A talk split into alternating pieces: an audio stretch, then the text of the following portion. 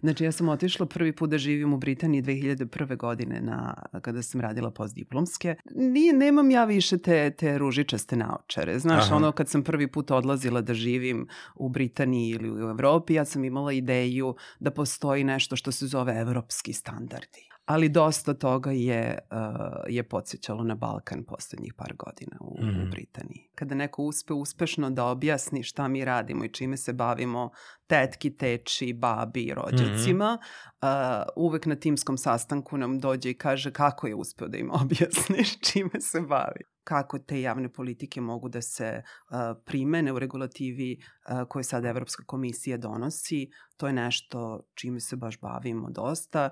Bila su dva zakona koje stupaju na, sla, na snagu sada u januaru, um, zakon o digitalnim uslugama i zakon o digitalnim tržištima i Evropska unija je um, vodeći region koji osmišljava inovativni pristup regulativi u, u digitalnoj sferi, to je jako interesantno i onda smo mi tu bili vrlo aktivni u smislu predloga, analiza, šta sve treba tu da se mhm. nađe.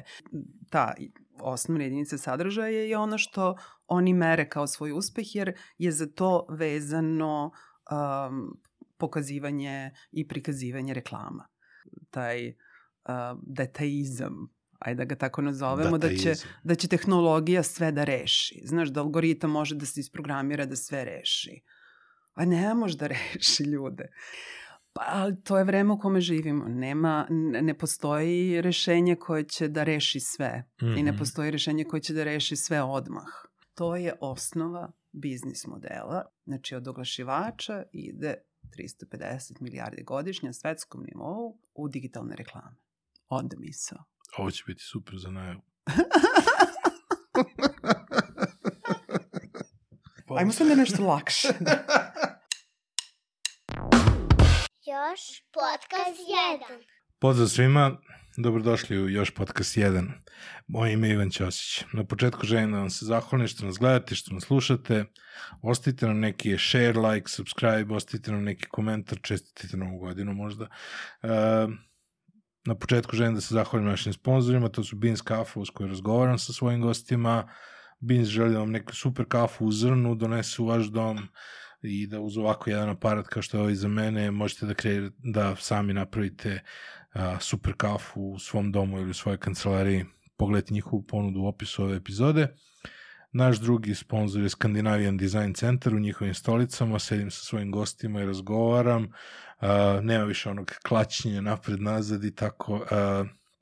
Scandinavian Design Center je uh, jedno mesto gde možete da, da pogledate svu ponudu nekih super skandinavskih kompanija koje nude nameštaj za uh, neke super radne prostore koje osmišljavate za sebe i za svoje zaposlene. Uh, u ovoj epizodi razgovaram sa jednom od osoba koje su najviše uticale na moju karijeru u poslovnom smislu, sa svojom dobrom prijateljicom Miro Milošević, ona je direktorka Globalnog foruma za medije razvoj, ona je osoba koja već više od 15 godina radi na medijskoj sceni na globalnom nivou, na, na temama slobode medija i raznih nekih drugih politika koje se tiču razvoja medijskog prostora. Pitaćete se zašto smo čekali 90 epizoda, zato što je Miro stalno na relaciji Škotska-Srbija i bilo je teško uklopiti ovaj termin, ali nadam se da posle ove uvodne epizode ćemo moći malo lakše da dogovaramo to gostovanje i da ona gostuje češće ovde. Uživajte u ovoj epizodi i srećna nova godina. E pa konačno. Čovječe. Jesmo uspeli, ja? Aj, Pa možda, možda bilo razloga za to ono, poslednje, poslednje snimanje u ovoj godini i prva epizoda u sledećoj, ali 91 epizoda ti je trebalo da dođeš. Koliko je to, dve godine? Pa nije, nije. Kalendarski da. Da, da, da. Negde mart, mart, april je krenulo 21. Aha. Tako da ću u martu, aprilu da bude dve godine. Dobro mi je došlo. Hvala, bolje te našlo. E, šta ima novo lepo? Znaš da je to prvo pitanje. A, pa ne znam koliko je lepo. Nova je ruska salata. Kako nije lepo?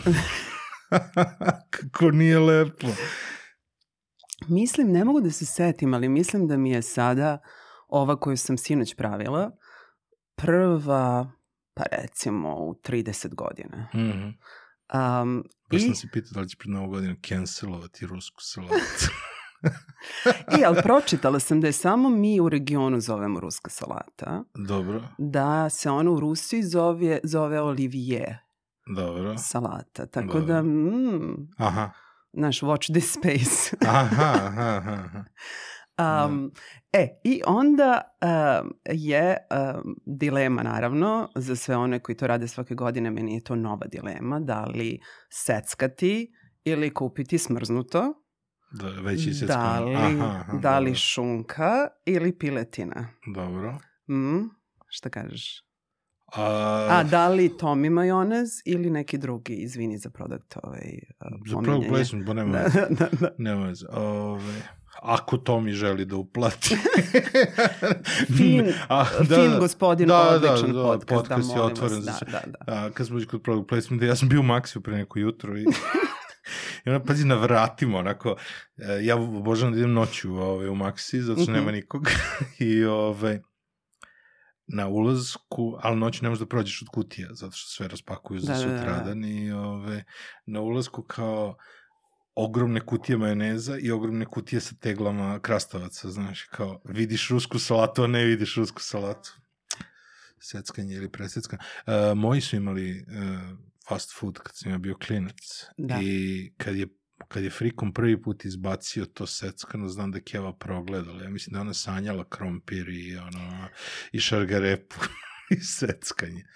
Tako da, da mislim da, da to što je iseckano je velika prednost, a šunka piletina je ipak šunka. Aha. Da.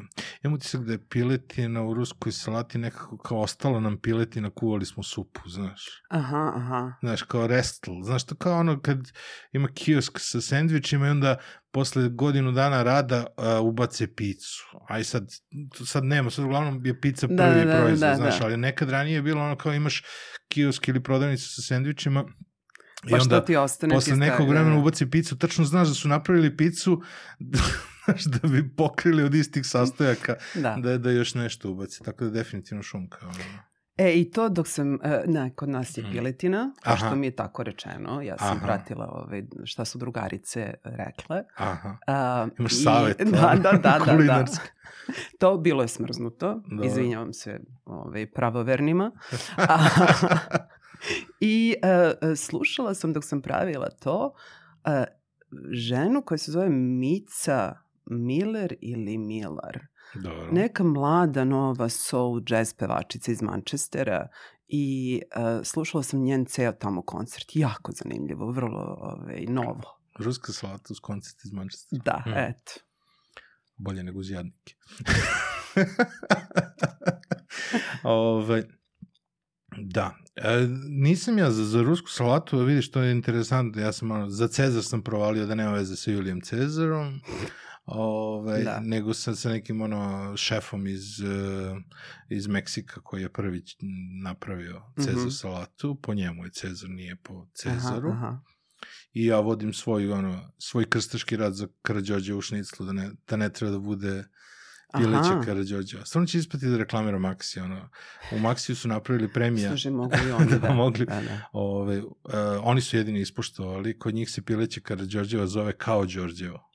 A. I to mi je super, to su napravili na ambalaži, ono, znaš. Da. Jer u stvari je fora o tome što je taj, ono, um, Mića Stoj, ovaj, Stojanović uh, napravio Karadžorđevu kad nije imao piletine jer je Titova snaja naručila kijevski kotlet, ajmo opet Rusija Ukrajina, da, o, da ubacimo u priču.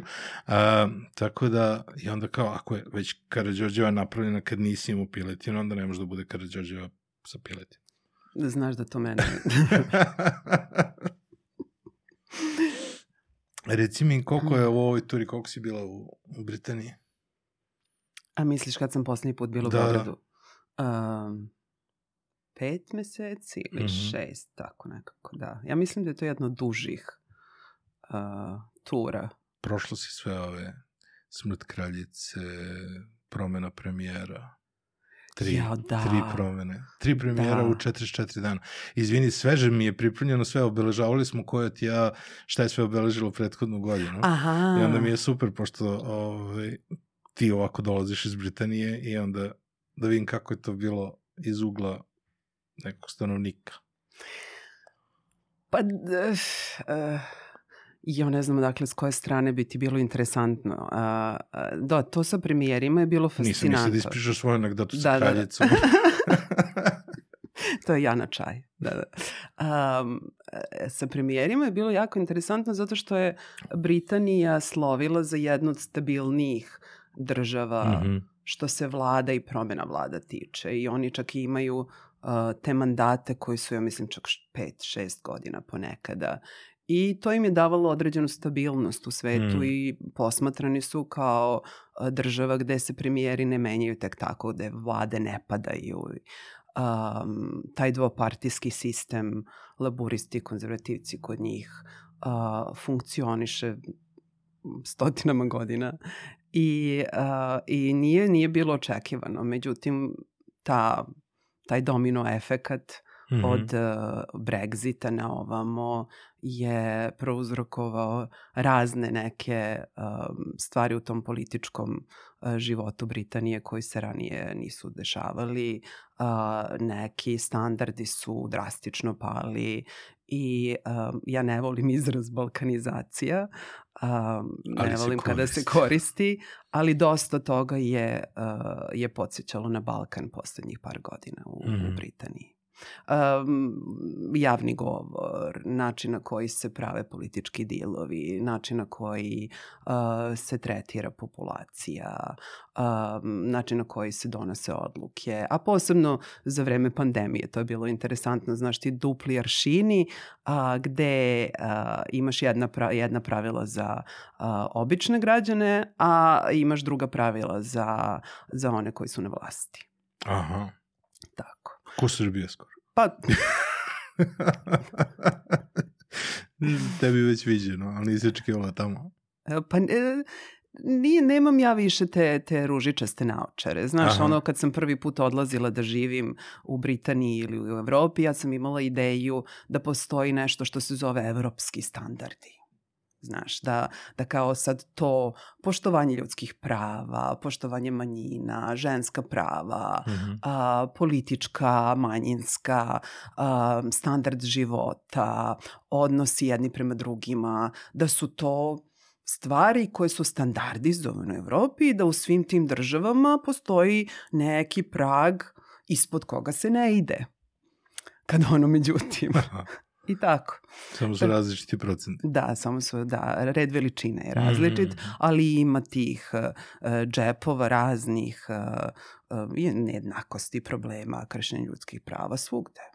I sad kako ulazimo u ovaj jedan period um, tog negativnog trenda u demokratijama, negativnog trenda ljudskih prava, negativnog trenda, to o tome ćemo pričati, uh, to je sve vidljivije uh, i uh, na tom takozvanom razvijenom zapadu i uh, evropski standardi naravno postoje na papiru, mm. ali kada se uh, primenjuju velike su razlike između različitih država u Evropi. Znači postoje neke države koje mnogo mm. uh, su više na toj lestvici, kao skandinavske na primjer, a postoje države koje su kad se gleda m, posebno uh, sloboda izražavanja govora i štampe, one su mnogo niže na toj lestvici i eto, tako.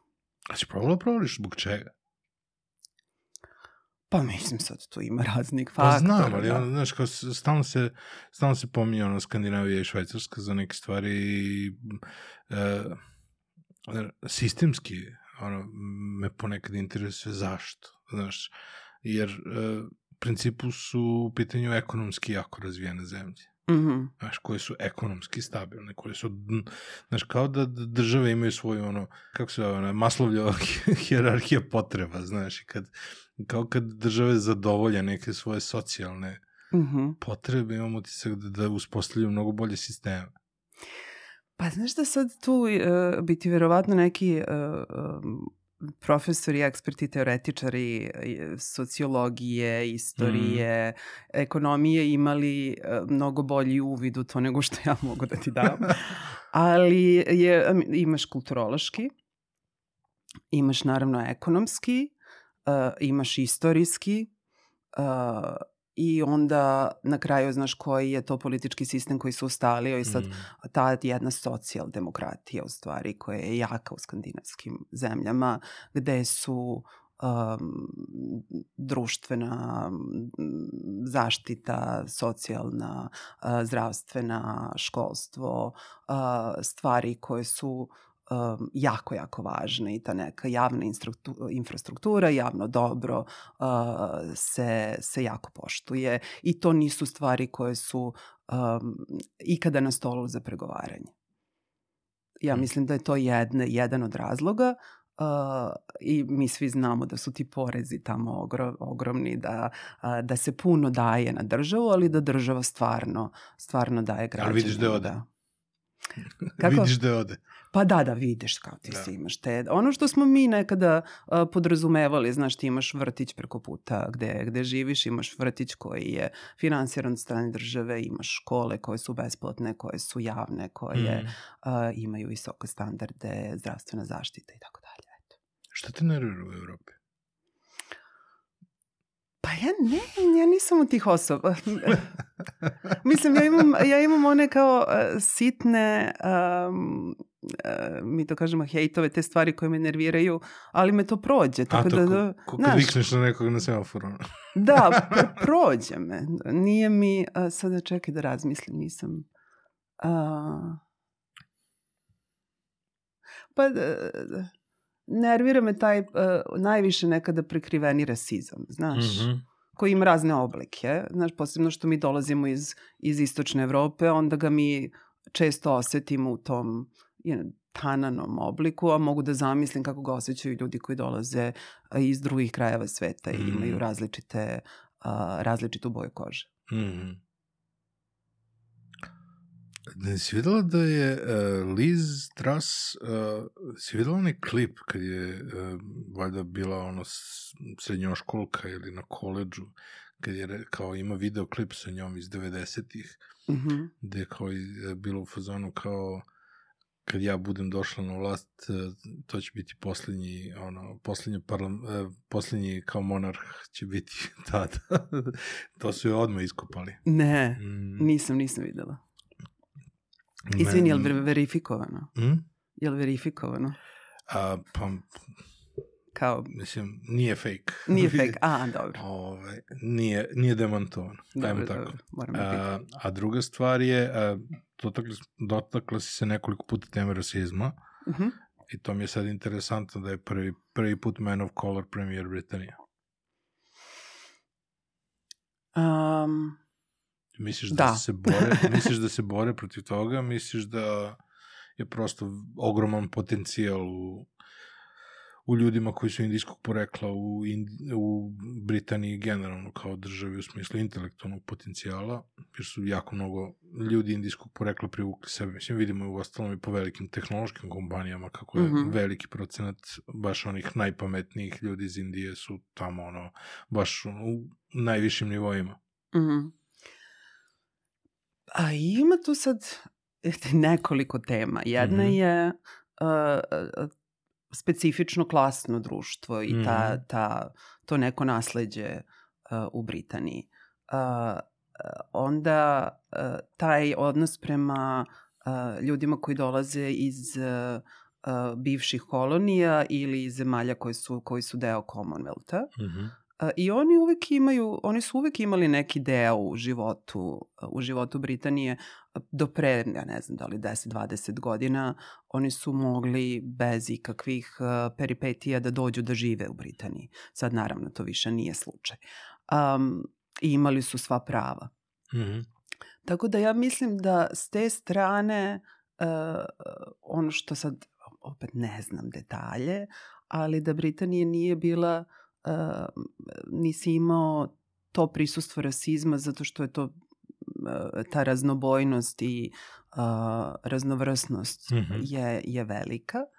a, a, mnogo je veće raslojavanje, ja mislim, klasno gde ti pripadaš, znaš.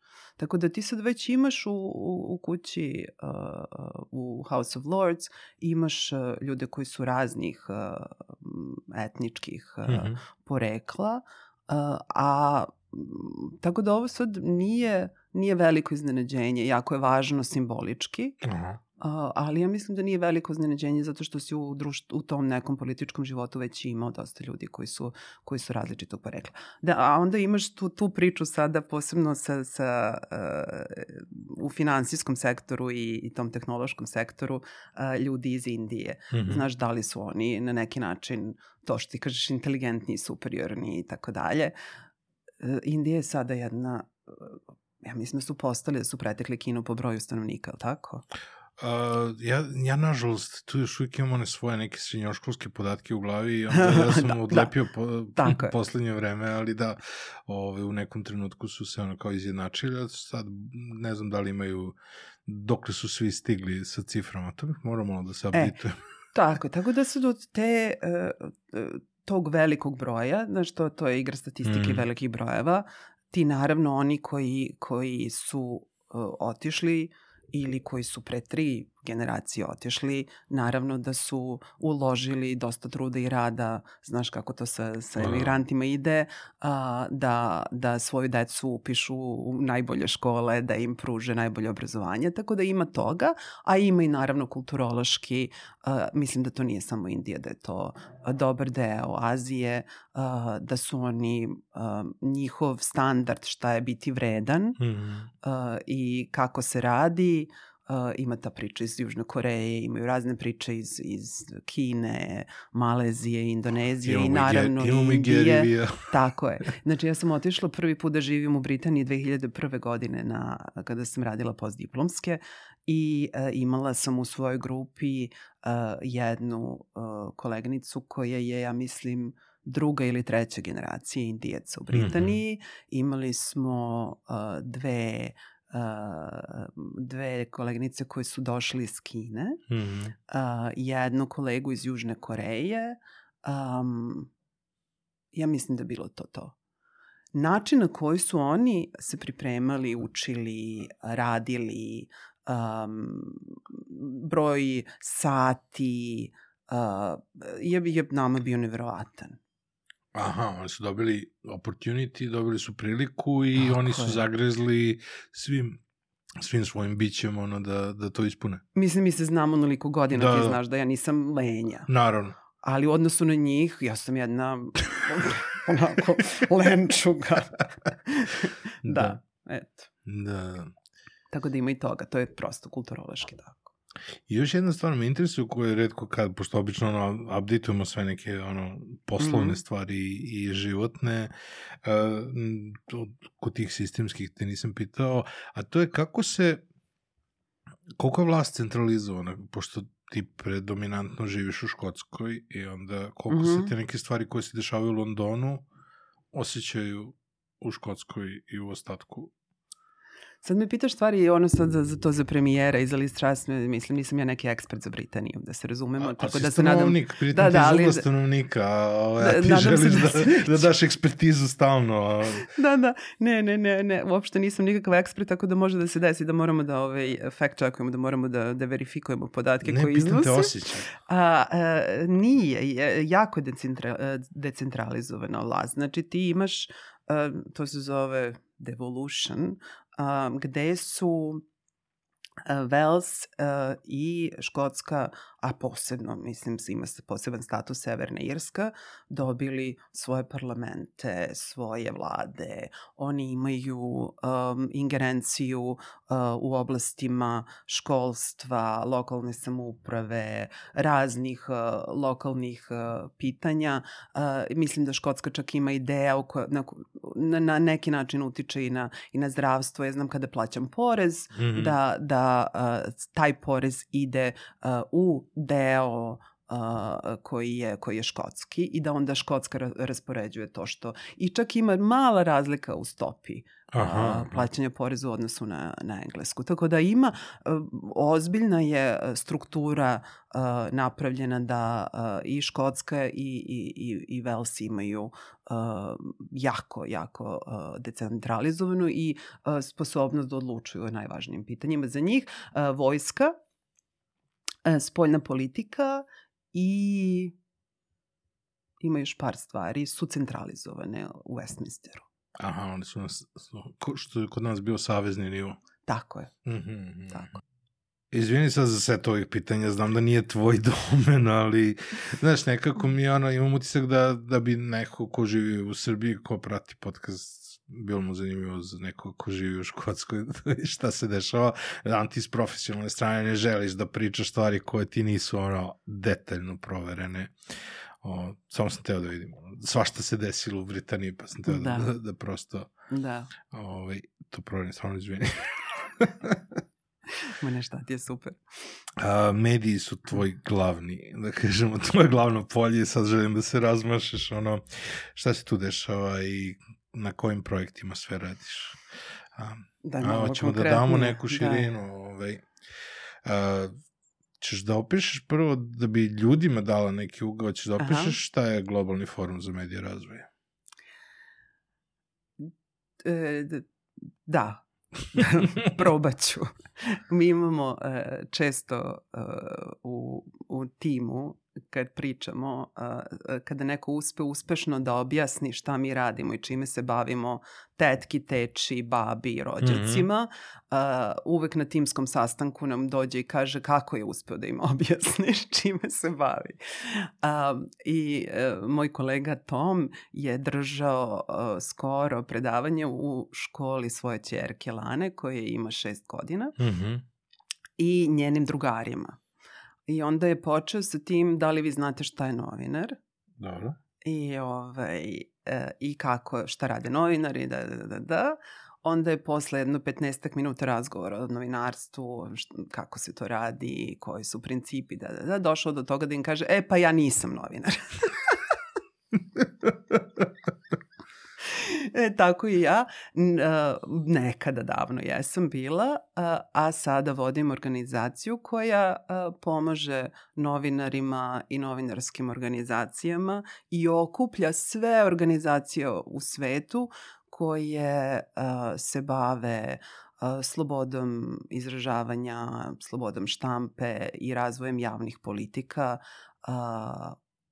što u digitalnom, što u analognom svetu i uh, pomažu da novinarstvo kao jedna profesija i struka opstane u ovom um, svetu koji je sve komplikovaniji danas. Eto, to je jedna onako opšta priča, a, a mi smo kao, kao udruženje u stvari, mm -hmm.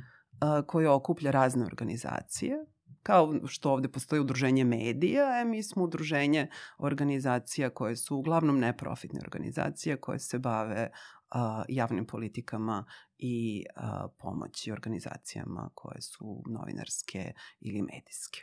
Meta organizacija. Eto, da. Mislim, tu ide sve od, od zaštite, um, od zaštite uh, prava novinara, bezbednosti, pa sve do razvoja novih uh, regulativa u digitalnoj sferi.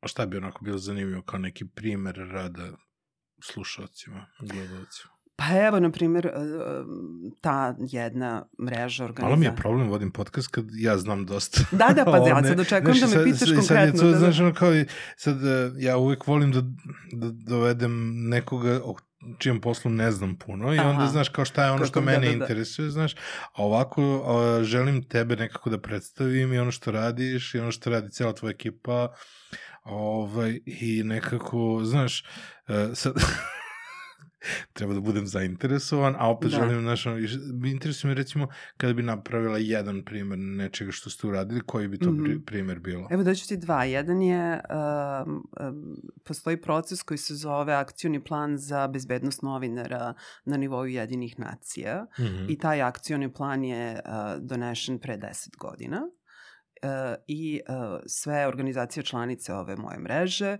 su na neki način doprinele konsultacijama u, ne znam, 50 zemalja u svetu koji su problemi, na koji način se oni rešavaju, u većem delu slučaja ne mm. rešavaju i šta je to što na globalnom nivou treba i može da se uradi da vlade, međunarodne organizacije, kompanije i medijske organizacije i novinari sarađuju i urade sve što mogu da bi se fizička, digitalna ili bilo koja bezbednost uh, novinara osigura. Eto, to je nešto što, što, što je interesantno i sad je bila, bila proslava 10 godina tog akcijnog plana, pa se napravio neki predlog kako on može sada da se um, unapredi, kako može da se dopuni u odnosu na šta se dešava u digitalnom svetu i tako dalje. Pa su se onda radile istraživanja, na primer, kako su posebno žene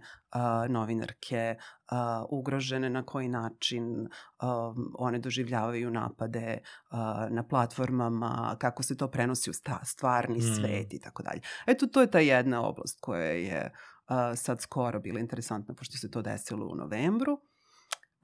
S druge strane, sve te naše članice onda razmenjuju iskustva iz zemalja gde rade, kako se to onda prenosi na lokalni nivo i da li te politike koje se donesu mm. na nekom globalnom nivou zaista pronađu svoje utemeljenje u, u, različitim, u različitim zemljama i zajednicama. I onda je lepo onda čuti gde je šta i kako zaista funkcioniše i koji su, uh, koji su dobri, dobri primeri. Uh, onda s druge strane imamo ove digitalne regulative koje se tek razvijaju i na primjer u Evropskoj uniji uh, moja mreža uh, ima jedno je, mislim, najvećih grupa organizacija eksperata koji se bave medijskim javnim politikama. I a, sve što se dešavalo od strane civilnog sektora, a, što je a, davano kao predlog, kako te javne politike mogu da se primene u regulativi koje sada Evropska komisija donosi. To je nešto čime se baš bavimo dosta. Bila su dva zakona koje stupaju na, sla, na snagu sada u januaru, um, zakon o digitalnim uslugama i zakon o digitalnim tržištima i Evropska unija je um, vodeći region uh, koji osmišljava inovativni pristup regulativi u, u digitalnoj sferi, to je jako interesantno i onda smo mi tu bili vrlo aktivni u smislu predloga, analiza, šta sve treba tu da se mhm. nađe. I evo sad još ima još... Je li inovativno mm -hmm. ili je još jedan sloj birokratije? Pa znaš šta? Jer Evropsku uniju karakteriše jedno i drugo. Jeste, jeste s tim da u ovom slučaju To je Digital Services Act jeste, i ovaj Digital drugi... Services Act i Digital Markets Act. Mm -hmm. Jeste. A, ima tu puno birokratije, ali s druge strane ima i, i, i dosta dobre volje i znanja. Sad, znači, postoji Evropski parlament I tu sede parlamentarci iz, iz cele Evrope i postoje parlamentarne grupe. Mm -hmm. I te parlamentarne grupe su jako aktivne i onda postoje komiteti da, da, da. Jako su oni profesionalni. Procedure su komplikovane zato što na kraju kada parlament usvoji neki predlog, onda se on pregovara sa zemljama članicama. Mm -hmm u takozvanom savetu Evropske unije. I onda je tu komplikacija zato što različite zemlje naravno imaju različite interese zavisno od toga koje industrije mm -hmm. i mhm. koji sektori su najviše pogođeni raznim regulativama koje se donose na nivou Evropske, Evropske unije. Tako da je jako, jako interesantno, uglavnom dosadno onim ljudima koje to ne zanima, ali je prvi put sada pokušano da se, da se uspostavi neki red što se tiče platformi velikih, mm -hmm. socijalnih mreža, um, i ne samo u oblasti sadržaja, nego na primjer u oblasti konkurencije, kako Amazon, na primjer, um, tretira uh, sve male uh, biznise i preduzetnike koje je koriste uh, Amazon kao platformu za prodaju, na primjer. Da, da, da. Znaš, koga oni preferiraju, koga ne preferiraju, kako algoritam bira, kako se postavljaju cene. Sve su to stvari koje su ranije bile vrlo lepo regulisane u ovom nekom um, analognom svetu, odjednom se pojavljaju taj divlji zapad uh, u digitalnom i oni i Evropska unija jeste digitalni divlji zapad. Tako je. Jeste probalo to da da reguliše na najbolji način uh, uh, koji je mogla, znači na osnovu znanja koje postoji, bili su vrlo otvoreni za sve za sve sugestije. Tako da jeste, ja da, mislim, videli smo to da. s kukijama. Da. Videli smo to sa kukijima i da. sa svim tim stvarima. Ovaj, a, a, koji je neki period prelivanja toga na ostatak sveta? To... Vrlo brzo. Mm? Vrlo brzo. I u dobrim slučajevima i u lošim slučajevima. Dobro. I to je jedna od stvari koje su uh, zanimljive, a to je da uh, sada kada se razgovara o tim novim rešenjima, mm -hmm Uh, mi stalno moramo da podsjećamo zakonodavce da, posebno u tim zemljama kao što su Amerika, Australija, Evropska unija, da će ono što oni donesu kao zakon biti kopirano, ali u nekim slučajevima naravno iskorišćeno uh, na način koji odgovara raznim autoritarnim režimima. Jel da? Tako je da, tako da, je, da je sva ona regulativa koja je, na primjer, pravljena oko uh, antiterorističkih pre jedno, ono, od, od 11. septembra 2000, mm -hmm. pa smo imali razne te um, antiterorističke um, regulative. Naravno da su one u nekim zemljama onda iskorišćene protiv civilnog društva, protiv medija, protiv novinara i suzile taj, taj prostor sloboda. Pa onda sad imamo to kao laž, e, neću da, upotrebim taj izraz, ali to misinformacije, dezinformacije i raz... Šta, fake news, neću da... Da, da, neću. Dobro, izvini. Um, I uh, onda ovaj, su to kao dezinformacije i, i, um, i misinformacije. Uh, svi ti zakoni i mere koje su preduzete, tipa jedan od prvih zakona je bio nemački zakon onda su neke zemlje uzele taj zakon, mm -hmm. prepisala ono što im odgovara i opet suzile prostor javnog aha, govora aha. zato što je to njima odgovaralo. Tako da tu postoje te, uh, te nijanse da, kojima stalno treba Fina, Fina linija između regulisanja i zabrane neke stvari. Aha. Jeste, da, zato što se taj prostor sada vidno sužava svugde. A sa druge strane imaš onaj američki sistem, startup sistem, to je ono kao da ulete i da polome sve živo i kao da poprave ovaj, da poprave kasnije, znaš, taj fazon. O, a i sad pričamo s jedne strane o evropskoj regulativi koja je, da kažemo, među uglavnom probija taj neki mhm. -huh. pravac, a sa druge strane imamo u Americi ogromne platforme koje su praktično nadnacionalne, uh mhm. -huh. ali koje odgovaraju američkim zakonima i američkoj zakonskoj regulativi. A opet sa druge strane, kada dođu na teritoriju Evrope, uh, ti korisnici kao da, kao da ne postoji baš najjasnije kom zakonu zapravo ko, ovaj, ko odgovara. Jeste, i tu je, postoji čitava Znaš, da li sajt.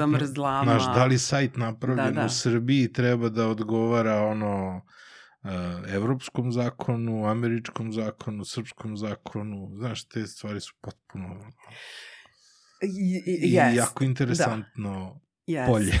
Jeste. I tu sad uh, bi, bi nam trebalo, ovaj, trebala treća osoba, neko koji je, koji je pravni pravni ekspert, zato što je sve to zašlo u to kao taj, taj, taj deo međunarodnog prava gde naravno koliko se ja razumem, pošto sam ja ekonomista i um, društveni naučnik, što bi se reklo.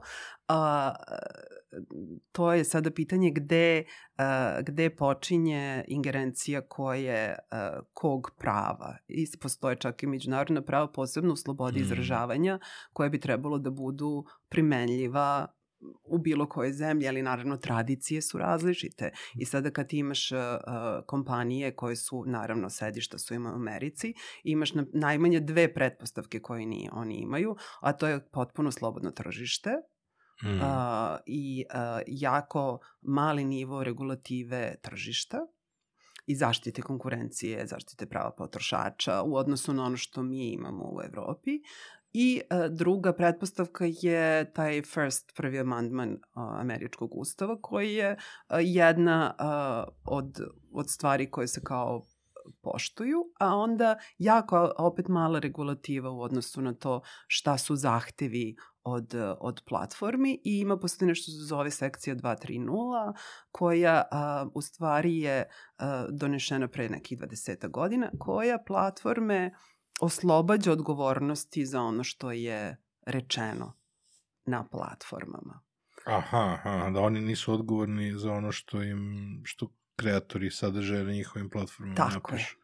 Aha, oslobađanje Tako odgovornosti. Je. I sad je to tamo, mm -hmm.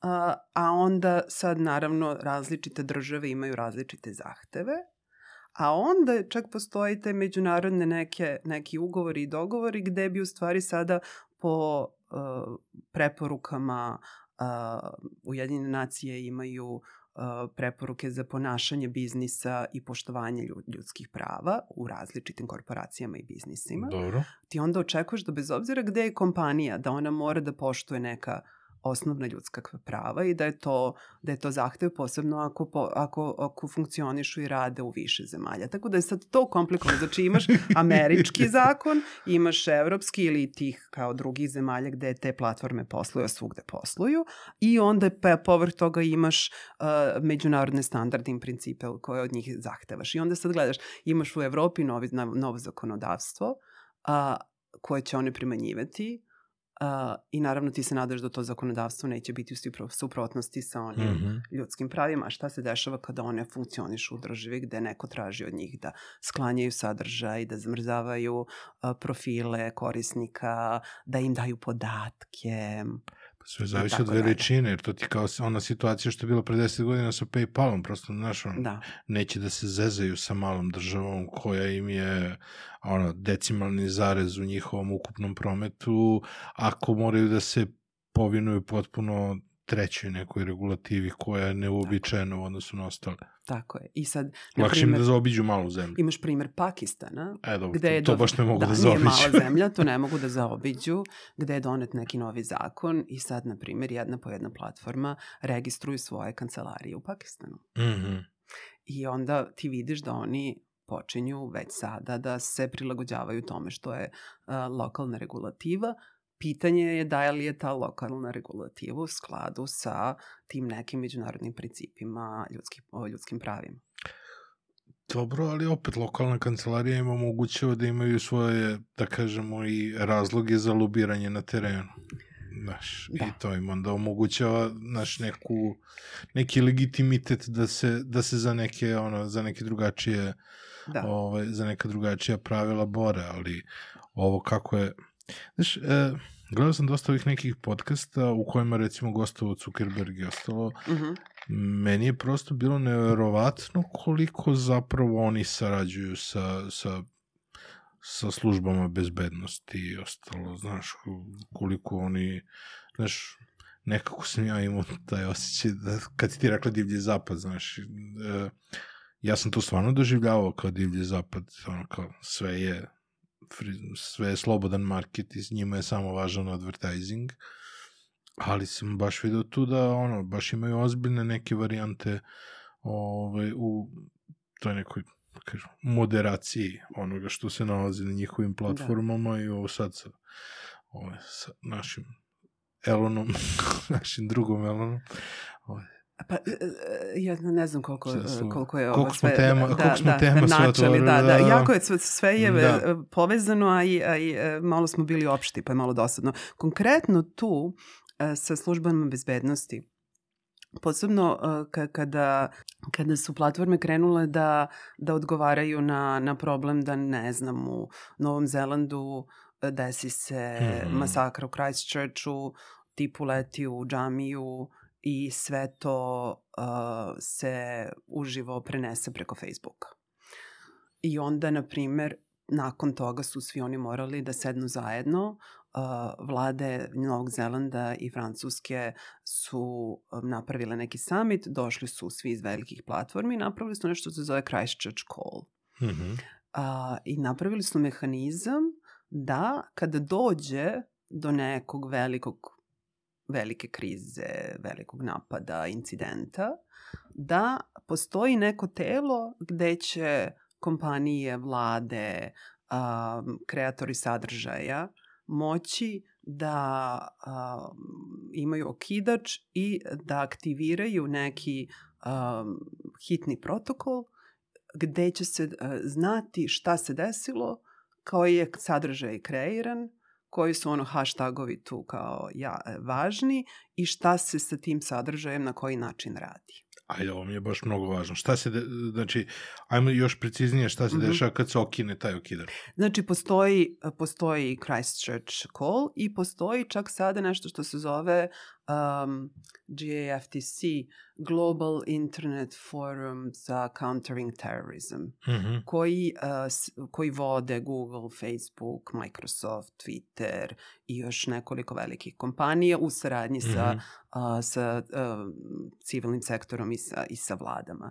Znači, postoji taj crisis protocol, on se aktivira, postoje kriterijumi, ne znam, da je da li je teroristički napad, da li je hemijski, biološki, sad postoji lista mm -hmm. svih tih uh, potencijalnih nesreća, uh, onda u, tom, u toj situaciji se kreira baza podataka gde sve mreže šalju sadržaj koji se potencijalno pojavljuje mm -hmm. vezano za to i postoji način na koji oni sarađuju kako se onda kaže ok šta se uh, skida sa platformi, šta se blokira, na koji način se posle odblokira i tako dalje. Znači, ako je uploadovan snimak terorističkog napada, Dobro. on se automatski kodira, daje mu se taj neki kod ili broj i on se uh, cirkuliše svim platformama koje onda gledaju i traže, aktiviraju svoje, svoje timove da traže to po, po njihovim platformama i da skidaju. Eto.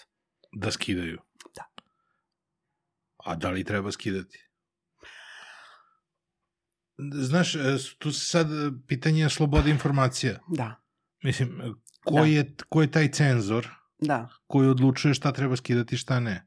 Razumeš? Znači, koji je, do kog do, domena da. je ta informacija, gledam, evo sad se nama desilo ovaj haos u Pirotu. Da. Većina ljudi je videla šta se desilo u Pirotu sa onim snimkom sa mosta. Da. Kada ide onaj talas, onaj oblak da. amonijaka. Ovaj, znaš, tu je sad taj deo između uh, uvek, ja sam uvek govorio da je ono, građansko novinarstvo mnogo važno, ali kao varijanta da se stigne na lice mesta, da se, znači, ne mogu svi novinari da budu na svim mestima u svakom trenutku, znači, da, da, da. važno je to, ali važno je da u nekom trenutku neko taj podatak obradi. Uh mhm. -huh. I da mu da kontekst, da mu da smisao i sve ostalo. Tako je. I zato je novinarstvo profesija, nije Upravo hobi. to. Da. O, e sad, zato mi interesuje znači, ta razlika između građanskog i profesionalnog, kako da, da kako je moguće da ta onda informacija dođe i da mm -hmm. bude plasirana, a da ne bude cenzurisana. Da ne, da ne živimo jednog dana u cenzurisanom društvu. Tako je. Jer, znaš, deo toga treba ono, zamaskirati, znaš, već šta sve da. treba, ne treba, ono, imena žrtava, postoje već u profesionalnom novinarstvu godinama postoje pravila za sve to, u građanskom mm -hmm. ne.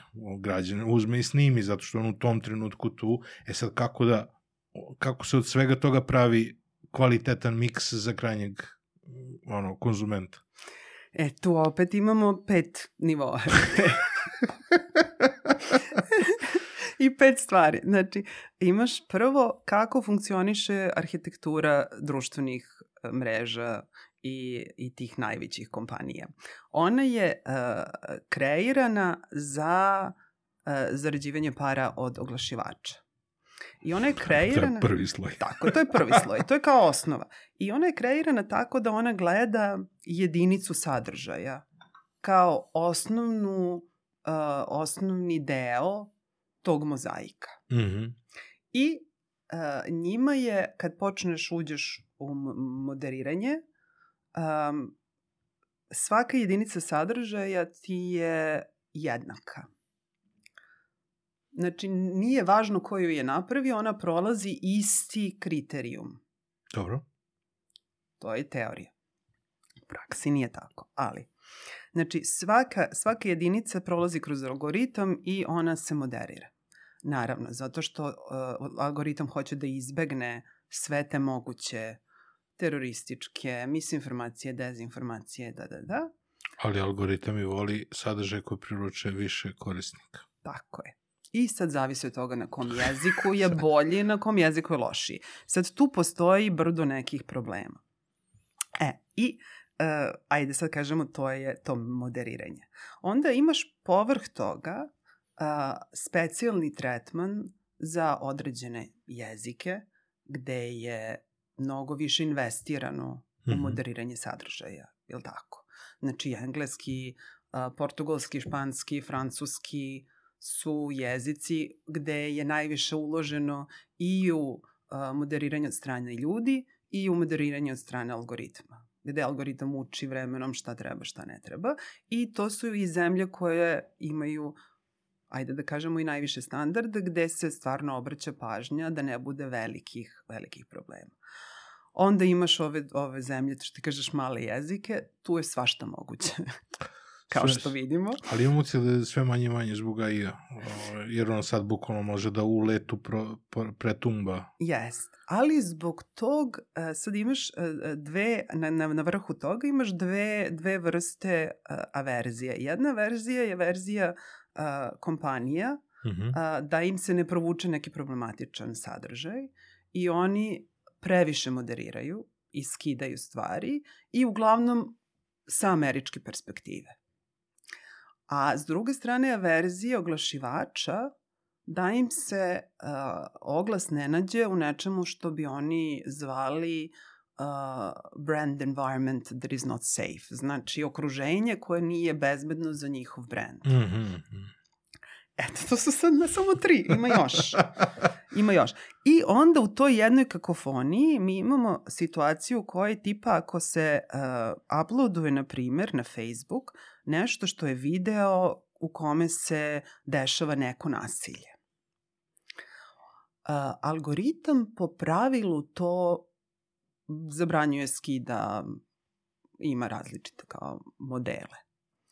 U jednom trenutku postoji taj oversight board, naj, nadzorni odbor koji je Facebook formirao od, od eksperata koji primenjuje um, um, sve međunarodne standarde o slobodi uh, izražavanja i uh, oni su po, gledali neki slučaj, su uzeli uh, iz Sudana gde je uh, bio video gde je bio neki napad i uh, Facebook algoritam je to uklonio. Onda su oni to izanalizirali i rekli to treba vratiti zato što je u javnom interesu sad pričamo o amonijaku, mm -hmm. u javnom je interesu da se zna šta se tu desilo. Naravno, postoji način da ti zamagliš oči, da za, zamaskiraš identitet i tako dalje, ali incident je bio važan. Onda su oni zadražili od Facebooka da im pošalje informaciju koliko uh, jedinica sadržaja su oni u prethodnoj godini uklonili u odnosu na tu politiku sadržaja u kome se vidi neki, neko nasilje, mm -hmm. agresija šta li je već. Dobili su informaciju da je uh, bilo recimo 90 miliona sadržaja koje je što algoritam, što uh, ljudski uh, moderator uklonio a da su imali samo sedam izuzetaka gde su rekli, ok, postoji nešto što je informacija koja ima informativnu vrednost od javnog značaja, samo sedam. Mm -hmm. Što znači da ti imaš u svetu brdo uh, nekih, imaš puno događaja koji se dese, koji su važni za ljude da znaju, koji su uklonjeni po toj politici, a da ti nemaš nikoga ko kaže čekaj, čekaj, to je nešto što spada u ove izuzetke. E, to je taj problem kada ti tretiraš jedinicu sadržaja kao glavnu stvar i kada imaš te neke paušalne politike gde ovo što, o čemu smo pričali, mm. Christchurch, da li treba uklanjati, jer ne postoji sistemski, još uvek mi nismo stigli do toga da postoji bolji način moderiranja sadržaja i ovo što sada imamo u stvari sužava taj prostor za novinarstvo, civilno društvo, um, ljude koji se bave ljudskim pravima, sužava prostor za njihov, uh, njihovo izražavanje, delovanje i vidljivost. Tako da sad ima sad, možeš mm. da mi daš pitanje dalje, jer tu ima puno stvari koje možemo da, da otpakujemo. Pa, e, gledam za, za običnog čoveka. Mm -hmm. Za običnog čoveka šta je tu u stvari najvažnije od svega toga, jer imam utisak da se da se, naročito sa, sa AI-em u posljednje vreme, nekako svaka tema pre ili kasnije završi na AI-u, ovaj, imam utisak da, da, da se pravljenjem takvih sistema suviše lako naprave poluge da se uh, uguši javni govor. Da. jer, sam, jer bukvalno ne znam šta će trigerovati sledeću blokadu. Pa, e, e, jer ako si već, da. ako si napravio, znaš ono, ti praktično omogućavaš da imaš jedan širok dijapazon različitih metoda blokada Tako za je. različite teme. Tako je. A ti u stvari kada razumeš kako sistemi funkcionišu, kako platforme funkcionišu, taj isti sistem blokade pribeniti na sledeći nivo od neke cenzure u budućnosti je pola sata posla za programera, znači... Da. Da. Znaš, samo, samo ubaciš drugi čip, taj deo je... Da. Taj, taj deo je problematičan. Da. Znaš, jer da. bukvalno može u sledećoj, ono, u sledećoj turi da se uguši bilo koja tema. Da. Da. I sad ti tu imaš opet niz problema, a to je da uh, je naravno um, algoritam intelektualna svojina mm, jako naravno. vredna. Ne smeš, da, da, da. Tako e, to je. posebno što niko nema, nema ideju je. kako radi koji algoritam. To. Drugo, što uh, ne postoje, postoje ti neki uh, izveštaj i transparentnost kompanija uh, koji su vrlo opšti i ti ne možeš odatle da, da izdvojiš šta se desilo na nekom granulnom nivou mm. i po, po zemljama i po grupama korisnika.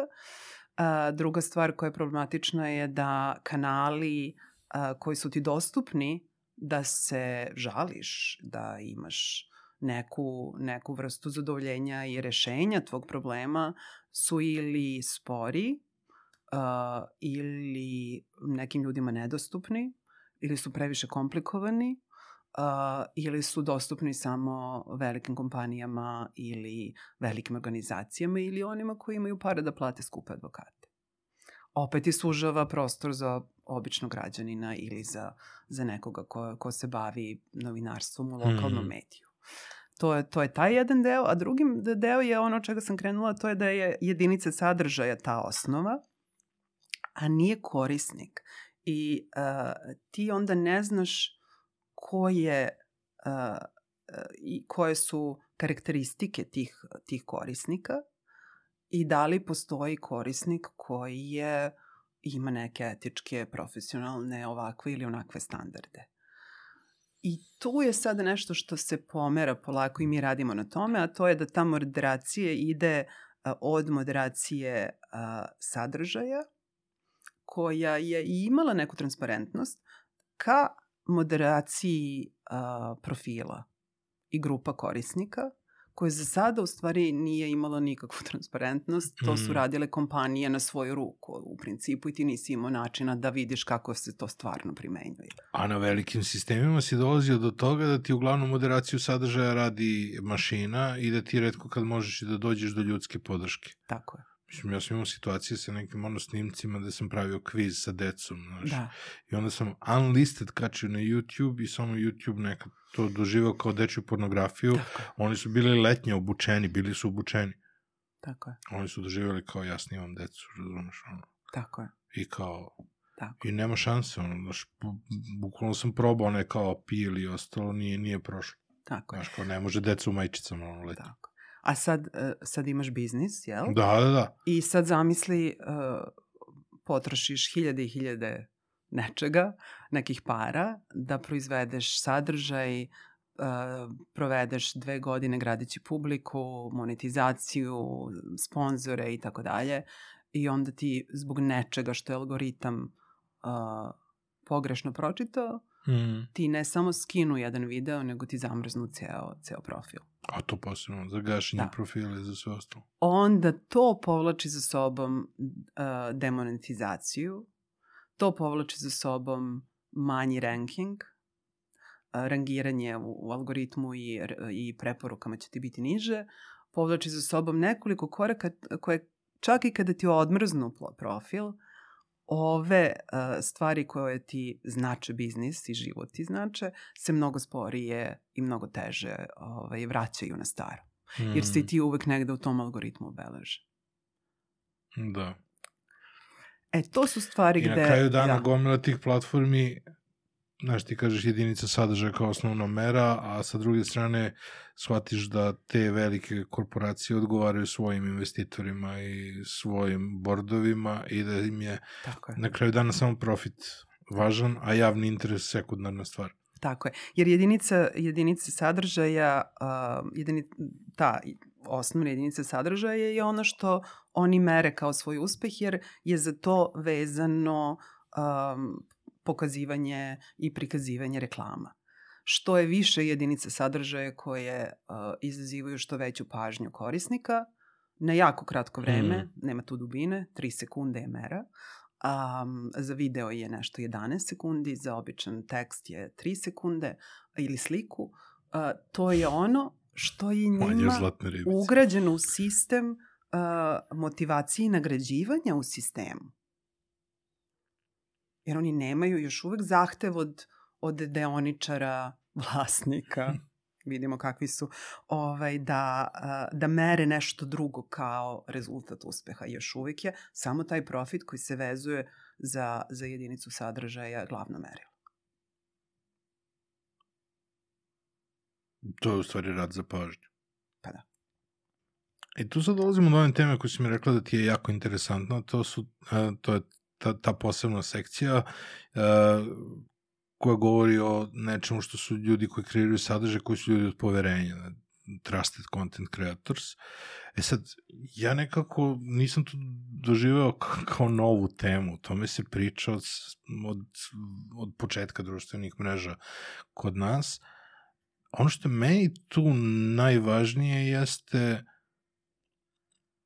Ako je čovjek od poverenja, recimo, ja znam tačno koga treba da zovem da ga pitam za hardware. Ali ta mm -hmm. osoba nije osoba od poverenja ako treba da ga pitam za recept za, za, za, za, rusku, salatu. za rusku salatu, recimo. Znaš, da, da. ako neko dobije oznaku Trusted Content Creator, a, kako možemo da budemo siguran, sigurni da on neće da se odmetne u kategoriju koja nije Trusted? Ima, ima, ha, ima interesantno, sada to je ono pomeranje o čemu smo pričali od uh, jedinice sadržaja ka tome ko su akteri. Mm -hmm. Ima uh, Martin Husovec, se zove profesor sa London School of Economics Dobro. i je napravio jako interesantan koncept, to je to Trusted Content Creators, gde on uh, nije dugačko ako ljudi hoće da, da, da pročitaju nekih, ja mislim, 5-6 strana, gde on objašnjava kako je to u stvari jedan iterativan proces ideš napred nazad. Znači mm -hmm. imaš neku zajednicu uh, sa kojom se udružiš, vi imate neki standard ili delite neke vrednosti i onda uh, imate odnos sa kompanijama i platformama i onaj koji ima koji je ima najniži nivo kvalitete, u stvari određuje koje će benefite dobiti čitava ta zajednica. Mm -hmm. I onda ako vi tokom vremena se pokažete kao pouzdani partneri i pouzdani proizvođači sadržaja, onda dobijete beneficije tipa neće ti biti skinut akaunt, čak i ako postoji neka, neki problem sa moderacijom, a, imaćeš a, benefite u smislu monetizacije, a, imaćeš bolje odnose kada nešto je problematično sa delom sadržaja i tako dalje. Ja to Eto. imam sad na YouTube-u, recimo, ono kad, kad objavljujem novu epizodu, Aha. onda mi on kaže kao da li ovo ima neki problem sa, sa YouTube-ovom politikom sadržaja i ja tu da. kao kažem nema none of the above, znaš, i onda on kaže sad, do sada, ma, znaš, ono kao prosto idem ispod neke zelene linije, idem na, na nekoj zelenoj liniji i manje više su mi svi, ono, ovaj, prolaze YouTube-u guideline i ovaj, I tu sad već, ono, tačno vidim markicu kao uh, tvoj kao preciznost je do sada veoma visoka i to u stvari za sada je nagrada samo u tome što mi jako brzo odobre sadržaj. Jeste, sve do onog trenutka dok ne postoji problem. Jer si ti sada pojedinac mm -hmm. u mhm. odnosu sa platformom i tvoja moć je jako mala mm -hmm. i s mhm. druge strane sva pravila odlučuje platforma. Dobro. Ono što se sada kao malo pomera, pa nadamo se da će u budućnosti malo više, je da ideš malo na decentralizaciju, da se ti, Ivan Ćosić, udružiš sa desetak, dvadeset ili trideset uh, ljudi koji imaju sličnu vrstu proizvoda, sličnu vrstu mm -hmm. razmišljanja, standarde, ideje, da, da, da, da, da. I onda imate taj neki svoj klub koji je onda u odnosu sa sa platformama i onda neće biti tako lako da ti budeš izložen nekom um, zlonamernom prijavljivanju, da ako se nešto desi pogrešno sa algoritmom, da ti nadrljaš ni kriv ni dužan i tako dalje. To je to ideja i to ima Martin Husvec kao ideju i to je nešto što se um, polako popularizuje ovim krugovima. Ima druga jedna profesorka Evelyn Dualek sa Stanforda, pravnica, uh, i ona ima to moderacija sadržaja kao moderacija sistema. Uh, baš novi članak izašao sad u decembru. Mm -hmm. Jako zanimljiv i ona kaže da mi smo sada u toj nekoj drugoj velikoj fazi moderacije i ona ima slične, slične ideje u smislu da ovaj sistem koji smo imali do sada, slučaj po slučaj, je daleko od toga da je uh, primenljiv na sve probleme sa kojima se proizvođači sadržaja suočavaju online. A koji je tu onda model zaštite ako si ti kao zajednica vredan onoliko koliko je neki najniži, najniži Menite, član da, da. zajednice, naj, najmanji zajednički sadržalac. Mm -hmm. Kako možeš kao zajednica se zaštitiš od onoga što postoji u našem bezbedonosnom rečniku od ubačenih elemenata? Pa e, zato je taj proces iterativan, znači to je, uh, učiš i ti kao zajednica i uče i platforme od tebe mm -hmm. i onog trenutka ti imaš neka pravila udruža, uh, kako se udružuješ, jel? Mm -hmm. I ti sam stvoriš uh, svoj standard i svoje pravila. Ko će ti biti član tvog kluba? A dobro, neko ono se što... preruši da bi pa ušao. Pa znam, onda, onda vidiš ko sadržaj, ti, do, ti znaš tačno šta se dešava i na koji način uh, Ali si zaštićeniji kao zajednica ili možda kažeš ovo je bio samo... Ono. Tako je. I onda diskvalifikuješ tog člana mm -hmm. i on više nije član tvog kluba. Mm -hmm. Znaš, jako je interesantno zato što, na primjer, ajde mi sad ovo pričamo o novinarstvu uglavnom, ali ja sedim u jednoj grupi ljudi koji se bave uh, odgovorima na, na moderaciju sadržaja u različitim oblastima, od akademika do ljudi koji prave sadržaj, kako se to politički korektno kaže, za odrasle, jel? Mm -hmm, adult. Da, tako je. I uh, oni se suočavaju sa strašnim problemima. Znači svašta, a znaš da neki od njih uložu dosta, dosta para da naprave jako kvalitetan sadržaj, da od toga žive, mm. da imaju oni svoje udruženja koje propoštuju visoke standarde i pravila, znači sve, pričamo ovde o etičkim, da. znaš, odrasli su ljudi, priznaju šta rade i to je to. A, ono što se dešava sada je da pola sadržaja koji oni objave se automatski skida, da čak i neke platforme za, za, za plaćanje i e, skidaju određene A, da, da, da. sajtove da ne mogu više da, da naplaćuju sadržaj preko njih. Tako da i to ovaj, interesantan pokazatelj koliko se prostor sužava. Znaš, to da ti... su one brand vrednosti i sve ostalo. Tako je. Znaš. Tako je. Da. To je sada, mada ih ja ne volim. Kladionice su sad, on, tokom, to sam video da su izašle neke priče, ovaj, neki screenshotovi, kladionice su tokom svetskog prvenstva se reklamirale na porno sajtovima. Pa da. Tako da, prelilo se iz nekog, ono, znaš. Da. Tako da baš bilo, bilo nekih, nekih tako stvari, ali i to je negde važno, znaš, koliko okruženje kreira kontekst. Znaš, za oglašivača. Jeste. To je mnogo važno i ali šta, šta mi je tu ono, uh, čim postaviš neku proceduru i neki sistem pravila, pojavi se neko ko želi da iskoristi to za svoje neko ono, da ih karikira i da ih upotrebi na, na pogrešan način. Ali dobro, to je no, mm. mislim, to je normalno. Ono što, što, što, što, što nas karakteriše kao ljude, jel? Mm. Je da... Ljudi koji prave sistem, ljudi koji hoće da zajebu sistem. Pa, jel? da. Dvojka. Mada, o, objašnjeno mi je da, ovaj, e, da postoji sada eufemizam za, na primjer, korupciju toga, ljude koji će da ovaj, malo zeznu sistem. E, eufemizam je snašao se. A snašao se. Ili snašla si se, razumeš? Mm -hmm. Ako se nisi snašao, onda si glup, jel? Mm -hmm. Ne, uh, šalu na stranu. Um, to, to je to sa, sa, sa ljudima i zajednicama i sa društvenim normama, jel? Znaš, e, mi smo, ja, imamo i dobre i loše strane i postoje ljudi koji će da uh, you know, da rade sve što je dobro, postoje ljudi koji će probati malo da iskoriste sistem, to je sve normalno. Da, neki koji su skoro zeznuli da. neki projekat, onda kad sam pričao sa ljudima koji su ih finansirali, ali kaže, oni su neshvaćeni umetnici. I onda kad sam ispričao to svojim, svom društvu, su rekli, od sad se svi predstavljamo kao neshvaćeni umetnici. umetnici to, kao. to. Ali e, pomenuo si uh, uh, veštačku inteligenciju ili ti uh, mašinsko učenje uvek, da. E, to, to je to, znači postoji jedna sada grana čitava u uh, Silikonskoj dolini koja uh, ima maltene novu ideologiju, taj uh, detaizam, ajde da ga tako nazovemo, da, da će, da će tehnologija sve da reši. Znaš, da algoritam može da se isprogramira da sve reši.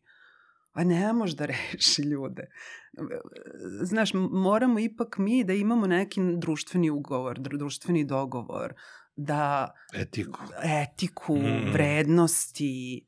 Znaš, ako to nemamo, onda eno ga, onaj, kako se zove, Kanye West ili kako, se, kako ga oni... Kanye. Kanye West. Mm -hmm.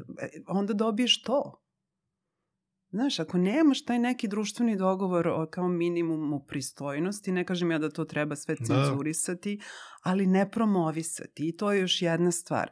Uh, društvene te platforme uh, nisu nemoćne ono si me pitao kao šta treba cenzuri, da li treba cenzuri. Mm. Ne, ja, ja sam protiv toga, osim kada je govor mržnje, kada je naravno terorizam, kada su te neke krajne stvari u pitanju.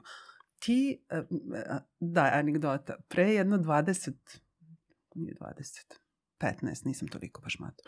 Uh, bili smo u medija centru, ja sam bila direktorka medija centra par godina i u jednom trenutku uh, jedna grupa koja je bila onako desno na političkom spektru, a, hoće da održi konferenciju za štampu u medija centru. I naša šefica tadašnje medija centra dođe i kaže, jao Miro, šta ćemo da radimo? I kažem, hm, čak da razmislimo. I kažem, ok, ajde sad ti idi kod njih i kaži im ovako. Mogu da održe konferenciju za štampu, nema problema. Ali, nećemo da im pozovemo novinare, moraju sami. Nećemo da im ponudimo usluge snimanja konferencije, plasiranja na naš sajt, zato što po zakonu tadašnjem o javnom informisanju mi smo odgovarali za to šta mm. stavimo na svoj sajt.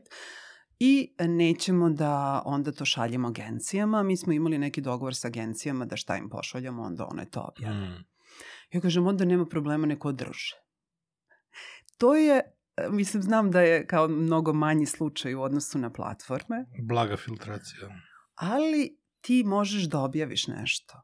Platforma i algoritam onda da odlučuju koje uh, alate ti daju da su dostupni, da taj sadržaj može da se širi, uh, mi što kažemo virusno, da li može da se deli, da li može da se lajkuje, da li može da se lako kopira i tako dalje. I onda sad, ako pričamo o tim trusted content creators, ti ćeš onda da daš te dodatne alate i te dodatne mogućnosti samo onim profilima koji su dokazali da su kredibilni. Kome? Pa ovim tvo, tvoja ekipa, tvoj klub koji kreiraš i dokažeš upravo tokom vremena to, da si... Upravo to svojoj da. publici. Ako Tako su je. oni... E sad, ali e, ono što mene sad interesuje jeste ta, ta neka siva zona gde je neko trusted content creator u svojoj zajednici a prosipa ono stvari koje su pa ne bih mogao da kažem baš fake news, ali neki su otvoreno ono, misinformacija, deinformacija i svašta nešto još. Mislim, ja gledam po, po, po domaćoj, recimo, YouTube sceni, gde su veoma posećeni sadržaji koji su potpuno besmisleni. Gde su mediji takvi da, znaš, mislim, intervju sa onim silovatim i dan danas na YouTube. Znaš? Da. Jer je to od strane nečega što je mediji u Srbiji na YouTube platformi. Da. Znaš, da. i onda imaš te neke stvari, a sa druge strane, ono, uzeš pakuješ 30 ljudi u učionicu na nekom fakultetu i kažeš ovaj nalog treba da se blokira, imaš bot net svoj koji će da blokira bilo šta na internetu jer će, a i da shvati da je to veliki broj ljudi da. u određenom trenutku prijavio. Tako da tu su sad emocija se otvara previše sivih zona. Pa, to je vreme u kome živimo. Nema, ne postoji rešenje koje će da reši sve. Mm -hmm. I ne mhm. postoji rešenje koje će da reši sve odmah. Da. Znaš, ono što, što je važno je da ne izgubimo taj moment uh, ljudskosti, šta je to što je humano, šta je to što mi kao neke zajednice dogovaramo da su naše vrednosti i naravno drugi ljudi će imati druge vrednosti i drugi ljudi će imati drugu viziju onoga što se, što se može, može kazati mm -hmm. javno. Ali ako ti postaviš neke okvire, ovo o čemu ja pričam znači da ćeš morati manje da, da sklanjaš i da cenzurišeš sadržaja ako ga, ako ga promovišeš uh, ako promovišeš samo one koji imaju neki kredibilitet i koji su aj kažemo trusted content creators ili credible content creators. A koliko donosioci politika moraju da se isključe od svojih vrednosti, a da razmišljaju o opštim vrednostima?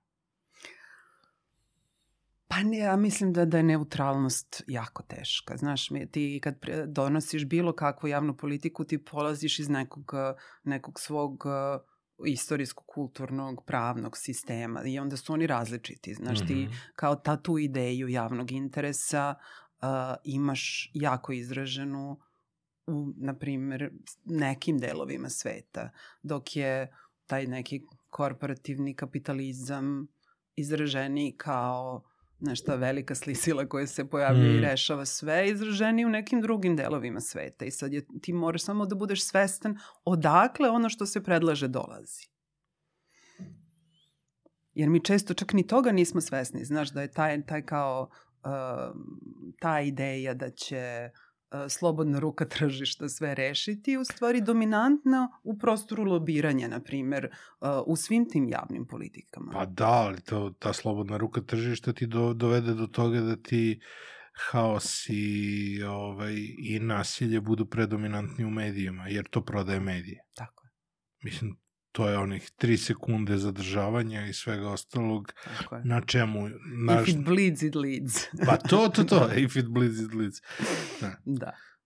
Ja sam odlepio kad sam na nečemu što sam mislio da je moj kredibilni izvor sadržaja, kliknuo na tekst koji je pisao kao uh, kako bilo, zaposleni Rio Tinto ubija na putu za posao. Naravno, da sam kliknuo.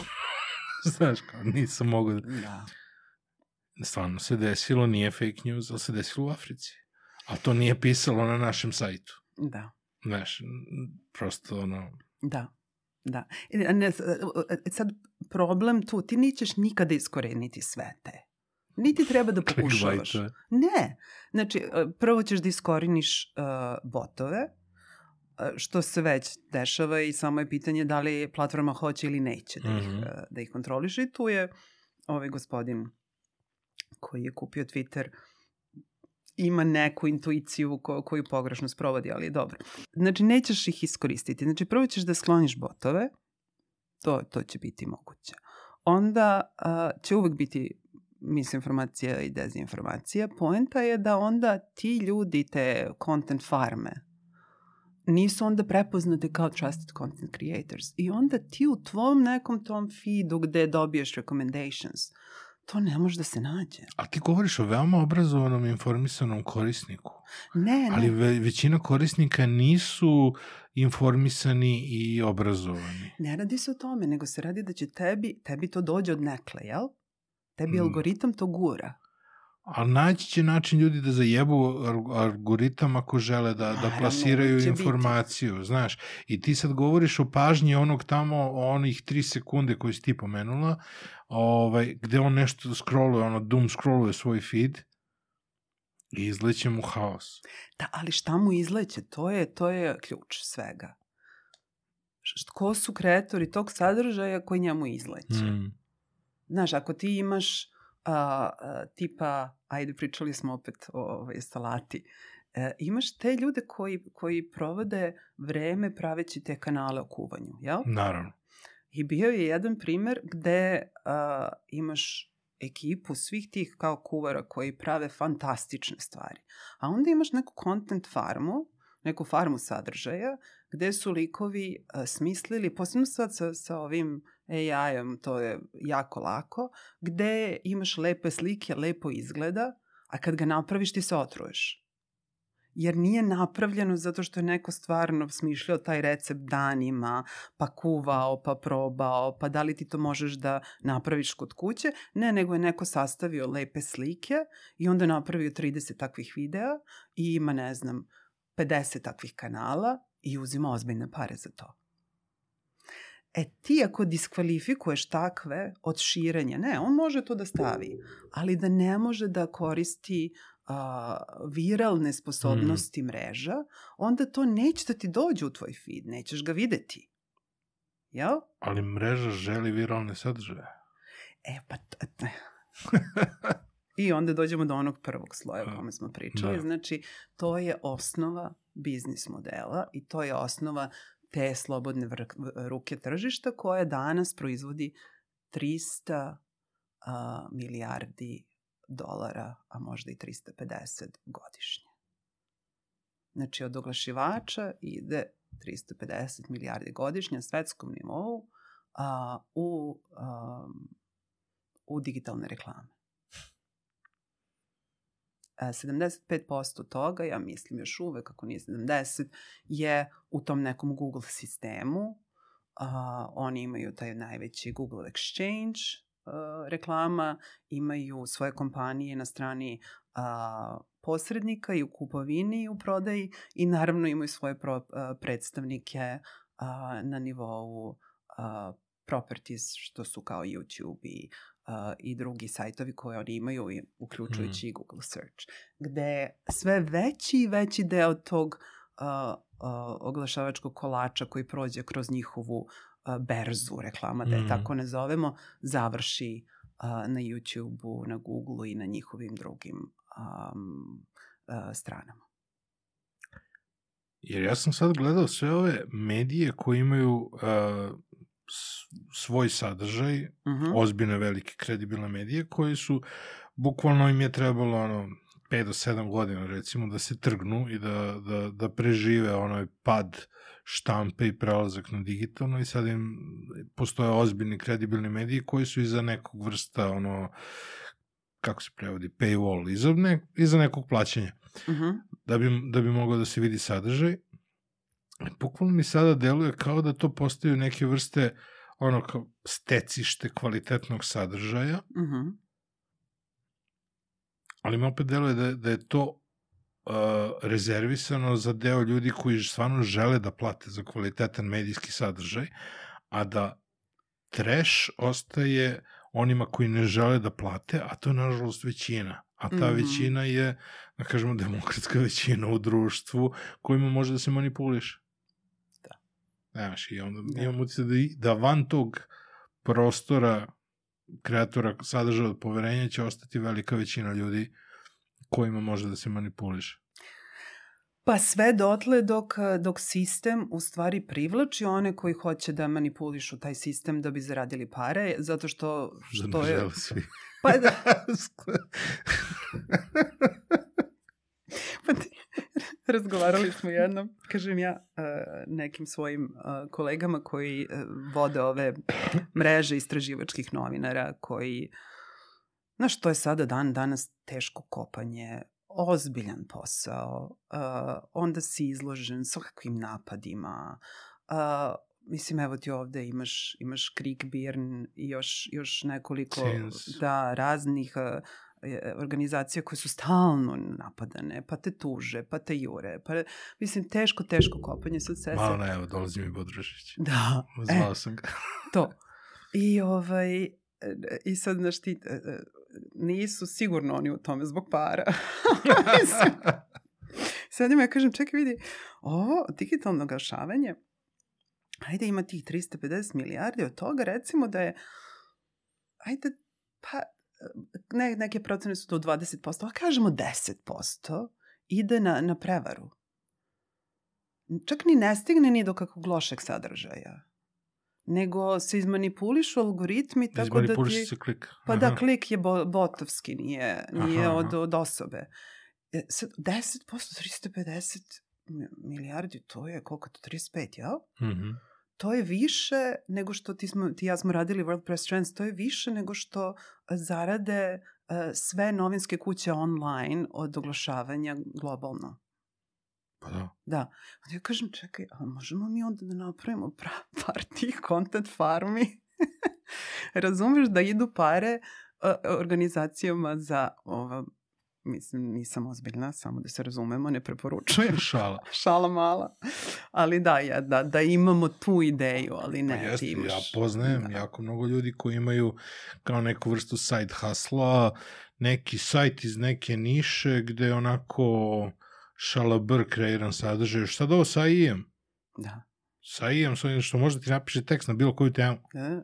Možda biraš ono, koju da. hoćeš samo krljaš svaki Tako dan je. po jedan Tako i, ovaj, i zabadaš Tako. sadržaje, staviš Google Ads Tako. i mira si, mislim, sad sam gledao nek, nekoliko novih projekata ono, srpskih, kao ozbiljan projekat sa 20 mesta za Google reklame na sebi kao ljudi, ono, znaš, kao to bilo nenormalno pre, pre XY vremena da, da toliko ono polaže, ozbiljna kuća polaže toliko na, na ad space koji je rentiran nekom tako menadžeru, ono, kao što je, kao što je Google, Google prostor. Potpuno, da. ono, neverovatno. Da. Mi, mi smo imali veliku raspravu uh, sad u, u Briselu oko baš toga. Uh, uh, bila je kampanja uh, za limitiranje toga šta se od privatnih podataka uh, je dozvoljeno čuvati uh, i koristiti, uh, šta je dozvoljeno koristiti na tom kao primarnom sajtu gde se skupljaju podaci, šta je uh, moguće koristiti dalje u mrežama i tako dalje.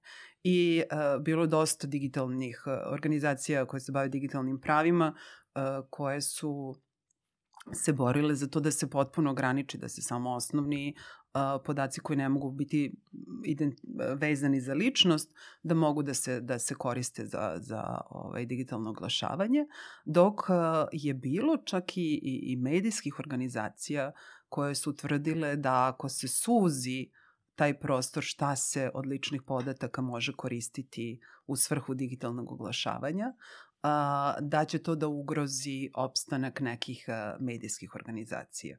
Tako da ima sad ti, tih kontroverznih javnih politika gde ti misliš da će neke jake i velike medijske kuće u stvari biti na strani krajnjeg korisnika i mm. boriti se za to da se ničiji lični podaci ne koriste, a, dok a, su oni, na primjer, neki od njih ubeđeni da je njima potrebna a, potrebna ta količina ličnih podataka da bi, da bi dobijali pare od Google. Pa nekad im je bilo sjajno zbog Facebooka koji im je praktično to vraćao kao podatak. Da. A sad im niko ne vraća podatak. Sad im niko ne vraća kao podatak. I svi ali... smo na gubitku. U kom smislu? Osim Google-a. Pa e, mi smo na gubitku kao korisnici, jer naši lični podaci se koriste u svrhu različitih oglasa i uh, mediji su na gubitku jer ne dobijaju nikakve informacije od, uh, o svojim korisnicima koje su im poslovno korisne. Pa dobro, to se zavisi koliko je ko proveo vremena da nauči algoritam šta stvarno želi. O, da. Ja baš volim to da radim i onda... da. Ali počinjem da živim u bablu. Da. Što više naučiš algoritam šta stvarno želiš, postaješ u sve većem i većem svom nekom balonu gde dobijaš samo ono što stvarno ti želiš i ne vidiš ništa, ništa van drugo. toga. Da. A, ovaj, ne znam da si primetila, o, o, to me baš interesuje, baš kao način borbe protiv ovoga, sada sve više i više organizacija pravi svoje ekosisteme. Da. I ekosistem sajtova gde je tebi registracija podignuta na, na nivo iznad.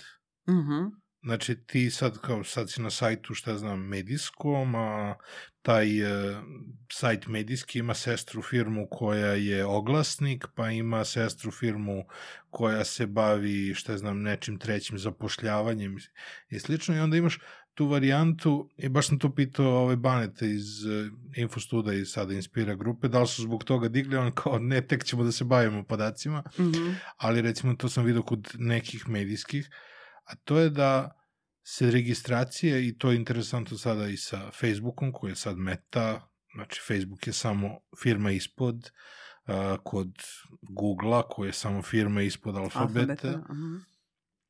pravi se mreža, pravi se ekosistem gde se ti registruješ na određenom nivou, a onda ti uh, sve ostale članice te neke mreže, sve sestre firme, zapravo ti skupljaju da. podatke ovamo ovo, ovamo ovo, ovamo ovo i ti u stvari nisi svestan koliko si popunio svoj profil, da. a oni to koriste kroz takozvani sistem first party data, da, jer da. više onaj third party data Tako je. ne smiju da koriste od Facebooka. Tako je. I onda su se sad dosetili, sad se registruješ na nivou grupe, da. a kroz sve ove različite delove ekosistema jedan, ovde mu ostaviš rođendan, da. ovde mu ostaviš šta voliš da kupuješ, šta, da. šta pretražuješ i tako. Ima, uh, ima uh, čovek zove se Johnny Ryan uh, koji uh, radi i piše za uh, Irish Center for Civil Liberties. Dobro. Uh, I on je jedno vreme vodio um, browser uh, Brave koji je pokušavao da zaštiti podatke korisnika i jako lepo on to objašnjava. Sećam se tog brauzera. E, jako lepo... To je bio brauzer ili to bio samo neki kao... Plugin. Plugin patch za neki Nešto, drugi brauzer? Ne, ja mislim da su oni imali čak brauzer. Aha. Ali on, on se sad bavi istraživanjima kako sad taj tok podataka ide i kako platforme onda usmeravaju uh, taj oglašivački novac na najjeftiniji na najjeftiniji sajt koji imaju.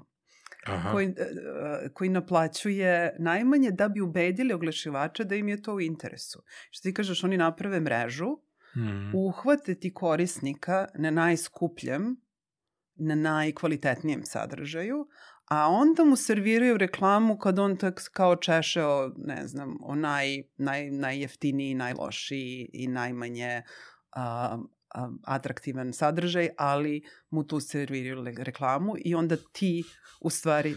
A to su, to su te fore kao kako da zeznaš sistem, da. znaš, ovaj, to je bilo sa Spotify kad je uzeo i kad je 50% svog sadržaja Spotify u jednom trenutku je uzeo i otkupio gomilu onog besplatnog Aha. ove, copyright free materijala. Pa da. I onda kada mu ti daš da ti on prema određenoj pesmi kreira svoje playliste, Tako je. bukvalno su u nekom trenutku kreatori muzike za Spotify skapirali da su playliste koje Spotify generiše, da. generisane 85% free sadržaja. Sad ja sam lupio ovih 75%, da, da, da ono, fact checkujte taj deo. Znači, Sad sam te zarazila. Da, da, da. Pa dobro. Nije, želim da... da. Ove, ovaj, a imao sam ko je tu prošle epizode, tako da, da može cijela se fact checkuje ko želi. dobro. Ove, ovaj, smo, smo dosta pričali o meni. Jo, ajde, a? ja mislim da smo udavili ljude. Ono, oni će posle 15 minuta Interesantno kako je uh, pravila si team building za ekipu u Srbiji. Aha. Kako su to doživali? Idealno. A? Idealno. Uh, možda sam ja pristrasna, ali idealno, e, e, sve je... E, možda su ti hvali što si direktorka. baš lepo ovde kod tebe. Ima to i onda više se niko ne šali s tobom, niko ti ne šalje šale, niko ne, ti ne šalje tajne Slack poruke. Um, Ima to i kad si ćelo. Da. Znaš, kao postaneš dosadna mama, ono. Uh, e, svidelo im se sve. Bilo leto, avgust. Uh, mi koristimo tu neki uh, mogu da kažem iHub prostor. Mm. Um, kao da, da. Kao, Ovaj, I uh, bilo ima super, sve divno, stvarno. Jer je sve tu... Paypal u potpisu za sve brendove koje smo pomenuli. da, da, da sve je pristupačno, sve je lepo i nešto nama je lako, pošto smo odavde, da za čas sve izorganizujemo. Mm. Nemaš, I nije skup, još uvek nije skup. Odnosu na, uvek, da, to? da, da. Jer još uvek Beograd nije skup? Uh, Mislim, organizovali smo um, svoj um, neki, neku generalnu skupštinu i board meeting u, u Tirani. Albanija je jeftinija. Kakva uteh. ali ne, i tamo je lepo. Tako da, ne, stvarno su divni ljudi, nije samo zbog toga. Ovaj, ali nije, nije Beograd skup. E, nije, nije skup do, sve dok oni koji dolaze ne dolaze sa nekih strana sveta gde je avijanski prevoz onda mnogo skup. Mm -hmm. Tako da je mhm. nama za naš tim, pošto imamo uh, koleginicu u Ljubljani, imamo koleginicu u uh, Danskoj, imamo nas dvoje, troje smo um, iz Beograda. Um, da, onda imamo kolegu koji letuje u Hrvatskoj, pa onda njega dovedemo Aha, ako je tamo. I onda eto tako, koleganicu u Italiji. I onda u stvari nama je zbog toga Beograd zgodan, zato što isto nije, uh, nije nikome daleko. Aha, ekstra. A reci mi... O, A ja imam izgovor da dođem. Da. E, možda bi to bilo zanimljivo ljudima. Kako, kako funkcionišu ti neki papiri i ostalo kada živiš pola-pola? Ovaj... Ne funkcioniš, ja sam morala ove godine... Koliko ima to broj da. dana, koliko da. smeš, koliko ne smeš? Mislim, to je javni to sam podatak. Pričala. Da, da. Ovaj, da, uh, pošto kad sam... radiš na dva mesta, realno. Pa ja imam taj problem za dve stvari, za vozačku dozvolu i za, um, za, za britansko državljanstvo i za pasoš. A, za vozačku dozvolu moram da pošaljem um, tom njihovoj agenciji za vozačke dozvole, morala bih da im pošaljem srpski pasoš i tamo moj kao residency permit, mm -hmm. a da bi dokazali moj identitet. A, I onda ti ne kažu kada će ti to vratiti a ja zbog posla moram stalno da putujem, tako da nisam bila u stanju uopšte da, da polažem za njihovu vozačku što bih morala ovaj, do sada i onda se trudim da tamo ne vozim, što je katastrofa. druga, druga stvar je uh, za, za državljanstvo, pošto naravno obe zemlje priznaju dvojno, to nije nikakav problem, znači nisam u nekoj, nekom prekršaju. Um, ja već 10 godina ispunjavam sve uslove, ali ne mogu da provedem više od 90 dana van zemlje, to je Britanije. A, što e, do pandemije nije bilo uopšte moguće. Mm. Nisam mogla da pomislim da sam, jer ja samo u Srbiji provedem dva i nešto meseca godišnje, što su školski raspusti i onda je sa pandemijom to nekako bilo moguće. Evo sad sam, pre nego što sam došla, dan pre nego što sam došla, sam sabrala za prethodne tri godine, a limit je 270 dana van Britanije, ja sam provela 267. 10 ti je crveno. Da, to. Kad sam radio jedan od prvih razgovora sa Lazom Džamićem, on je u stvari pričao o ljudima kao što si ti. On je rekao da naš najveći intelektualni potencijal zapravo u dijaspori, da imamo mnogo sjajnih ljudi. Onda sam ja sve vreme ono, bio u varijanti kao, ej, takve ljude ću ono, da budem na jednom, jedno od mesta gde ljudi kada svrate za Beograd, da, da mogu da, da, da dođu i da banu. Ovaj, a znam da si jako mnogo njih ti ono, upoznala, čula o njima, srela. Uh mhm. -huh. ovaj, ajde malo da, da proširimo tu priču. Ko su neki naši sjajni ljudi? Koje si ti imala priliku? Mislim, znam da su primarno iz nekog medijske priče, ovaj, društvene priče, ali nije ni važno. Ja, sad ću sigurno zaboraviti uh, najinteresantnije i onda, da, da, ne, i, onda, i onda ću kad dođem kući biti kao, ja, što, što njih nisam pomenula. Lazar Džamić je jedan od, od, od tih mm. likova. Ja sam uživala slušajući taj podcast. Isto kao i ti, ja sam odrasla na nje, njegovim onim kolumnama iz uh, naše borbe. Um, I to je, i, je i meni bio jedan od motiva bavljenja jel, ovim mm. poslom i, uh, i on, je, on je kao pesnik. Znaš, on tako kad ti priča, to je kao da, uh, da poeziju pri, uh, piše. I, da tu prosto se zapitaš da li ti ljudi da. malo vežbaju te svoje rečenice. Da ima tu... Ili su prosto tako ono prirodni. Da, ti vidiš da se ja mučim sa nekim uh, izrazima. Ove, to mi se dešava što... često sa ljudima koji konstantno rade na engleskom. Na engleskom I to mi je često problem, a nekim ljudima apsolutno nije važno. Da. A neki ljudi kao što si ti kad kažeš termin na engleskom, što je skroz okej. Okay. Da onda uzmeš ja i prevedeš ga. Tako je, ja se ne. trudim da... da A da makar bilo da, i rogobatno i ovako i onako. Da koristim što manje, ali na primjer ne znam za sve izraze, uh, izraze na, na srpskom. To, kao ali pandan. kada se napravi e. pauza, pokaže da. se želja Tako da se je. i objasni šta znači, pa makar i objasni da. ono parafrazirano. Tako je. E, Lazar je tako, tako fantastičan skroz. Um, ima uh, u Britaniji, na primjer iz ove naše branše, Milica Pešić koja uh, već dugi niz godina vodi uh, Media Diversity Institute. Mm -hmm. uh, za ra, institut za različitost u medijima, um, koja ne samo što je fantastičan stručnjak, nego je i divna žena i, i ona dolazi u Beograd i interesantan sagovornik, jako elokventna. Um, onda, ajde sad razmišljam o Britaniji, imaš uh, iz te ekipe, uh, imaš neke silne ovaj, divne naučnike. Um, na primer, ima naš, naš drugar uh, Dušan Mišević koji, koji živi uh, u Parizu. To je sve ta ekipa koja je prošla kroz petnicu tih godina kad smo mi ovaj, odlazili tamo. Um, onda iz, iz ove moje branše um, imaš koga još imaš u ima nekoliko uh, ljudi iz, uh, iz pozorišnog sveta. Ajde, setit ću se dok, dok pričamo, ali ima ih, ima ih stvarno dosta. Naravno, imaš i ove koji su ovde, pa ponekad odu, koji, koji su isto uspeli da isprate sve što se dešava u svetu. I, i druga stvar, uh, kreiraju neke inovacije, kao pomenuli smo Vitu i, i Južne mm. vesti. Znaš, one kreiraju neke, neke džepove nekih inovativnih rešenja koje su zanimljive ne samo u našem kontekstu, nego i u svetskom kontekstu. Tako da to, taj, taj neki uh, taj neki odnos između ovih koji su otišli pa se vraćaju i ovih koji su ostali pa odlaze uh, je, je jako zanimljiv.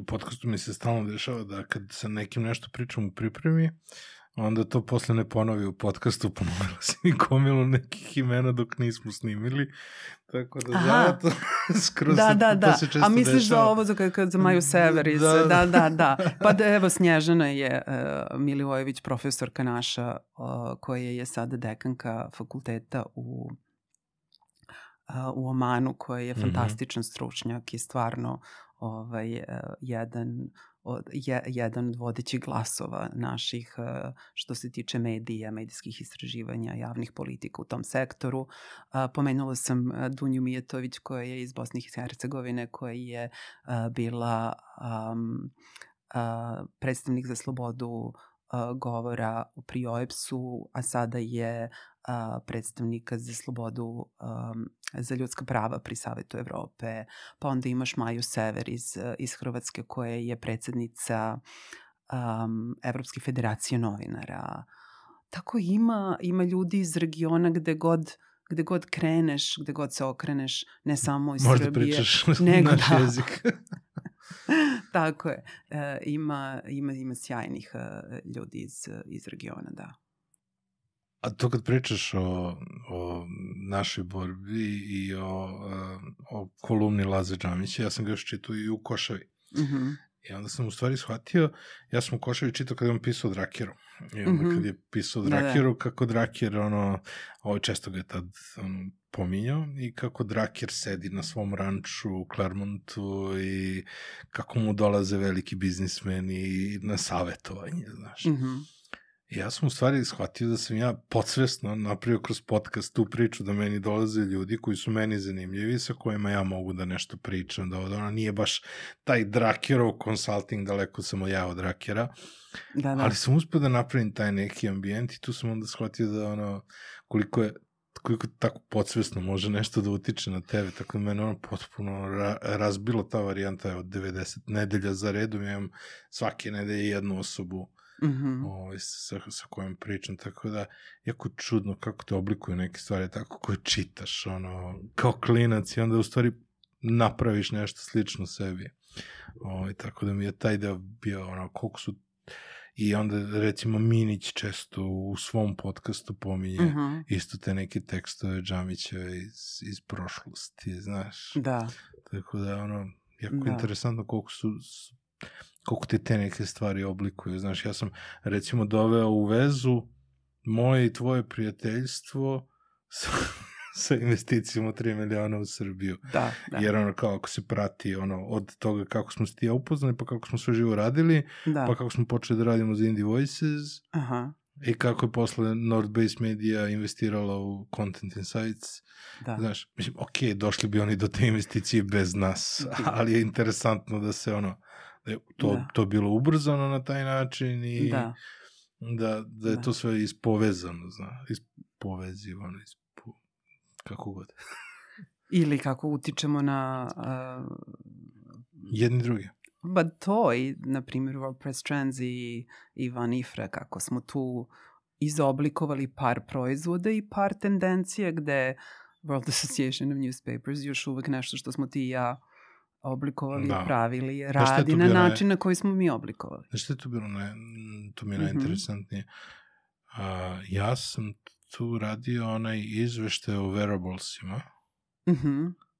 pre pojavljivanja prvog Apple Watch. Pa da. I to mi je interesantno koliko se razmišljalo da će wearablesi biti za konzumiranje sadržaja, sad su postali ono. Da. naprava za zdravlje. Znaš, da. koliko je recimo taj uređaj, mislim, sad bilo koji uređaj iz, te, iz tog segmenta, ali satovi su dominantni. Da. Koliko su, koliko su recimo tada trendovi bili u tom fazonu i ono, svi živi bili anketirani. Da. Uh, kako će promeniti medijsku industriju, to što da možda čitaš vesti na, na, ovaj, na da. satu, da. do toga da je sada sat da. zapravo uređaj koji se bavi zdravljem, a ne da. konzumiranjem sadržaja. Pa to, to je to. Ja sad, na primjer, mogu da, da kažem da verujem da ovo o čemu smo mi pričali oko Trusted Content Creators će biti budućnost decentralizovanog uh, identifikovanja raznih zajednica i to je sve u skladu mm. sa onim što se sada kao priča oko Web3. A, Ili ako ne bude, ako. jako je zabavno da bude trenutak koji je zabeležen u vremenu. Tako je. Da se pogleda šta se tada verovalo. Znaš? Tako I sad kao koliko si omašio u nekom ono, u neko, nekom ono, kosmičkom snajperu, Jasno. razumeš? Koliko je to odstupanje bilo od nekog, Jasno. nekog predviđenja. Te stvari su jako zabavne, Jasno. znaš, neke stvari su... Ja sad gledam, ja sam dosta lenj, to svi znaju, a, ali ja obožavam kad me neko potrepše po ramenu uh mhm. -huh. i sad ovaj, skoro mi je a, jedan prijatelj ovaj, uh mhm. -huh. Ivan napisao mnogo ti, super, mnogo ti je dobro zamišljeno ono na Instagramu, znaš. Mm -hmm. I sad na Instagramu ima neki kolaž od devet slika gde ja da, stavim da, da. kao osam citata od gosta i sliku jednu sredinu. Mm -hmm. Ja sam tu radio za prvih 25 epizoda. Da. Imam 90. I... Dobro. Jer to igram slučaja ostalo na starom računaru i onda je ovaj, I onda mi je bilo dovoljno da mi on kaže da, da neko primeti da je to dobro i da je šteta što sam prestao. Da. Ja sam sad sebi on zabeležio, svako jutro uzmem i pustim po jednu ovaj, po, da. po jedan kolaž, jer je da. stvarno je 15 minuta, pola sata posla. Super mi je stvar da imam jednu, jedan posao ujutru koji ću da završim. Da. Ali ono što je interesantno su neke stvari iz tih citata promenile za, ovaj, jer ja imam desetak, 15 citata iz svakog. Aha. I tačno postoje neke stvari koje su se već promenile za godinu i nešto dana. Da, da. Pa menja se i e, što što ti kažeš, znaš, kad nešto zabeležiš u vremenu i kako te neki događaj i neki ljudi, neki ljudi oblikuju. Kako sam ja završila u stvari u prvo u novinarskom poslu, pa onda u ovom poslu oko medija mm. a, i, i slobode govora. Um, kad sam imala 16 godina, počela sam da, da kao honorarno sarađujem sa Radio Jagodinom, gde sam i odrasla, jel?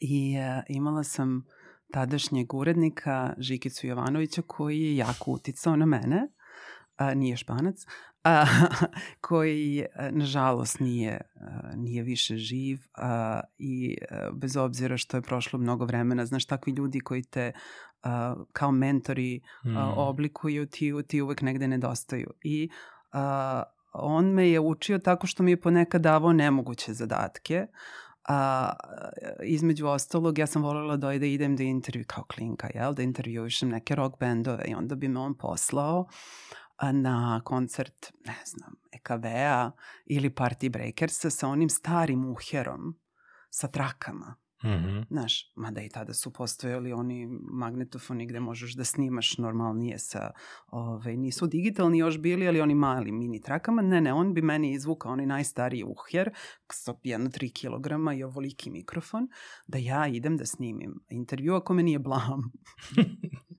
I uglavnom odem ja, a to su 90. jel, rane, odem na koncert Party Breakersa i sad tu intervjušem Caneta, koji naravno psuje, a, i završavam razgovor tako što ga pitam šta je sa projektom Rin Tuti Tuki, tada je uh, su antiratni mhm. protesti mm. jel bili i onda su EKV, mislim, Orgazam i Breakersi napravili taj projekat. To je bilo jako interesantno. Cane, ne bi bio Cane da nije odgovorio. A, a, I ja tebi a, na moje pitanje kažem, dobro, ajde sad prevedi našim slušalcima šta rintututuki znači za one koji ne znaju. On kaže, prevedi im ti. I ovaj, ja dođem nazad u radio stanicu i uzmem te trake, stavim na onaj magnetofon gde se to sve sad kao seče, lepi i dovedem urednik i kažem ja ovo ne mogu da izmontiram. Kaže Žikica što? Pa kako ako mu isečem svaki, svaku psovku, ovo ne može da se izlepi dovoljno da bi, da bi bilo slušljivo. Kaže ona što bi mu sekla sa psovke? I si ti rekla nešto ružno? Ja kažem nisam. Pa je on rekao, pa mislim to je njegov način. Tako da ja sa svojih 16 godina naučim šta je autentično? prvu lekciju o slobodi govora, autentičnosti i tome šta se može i šta se ne može.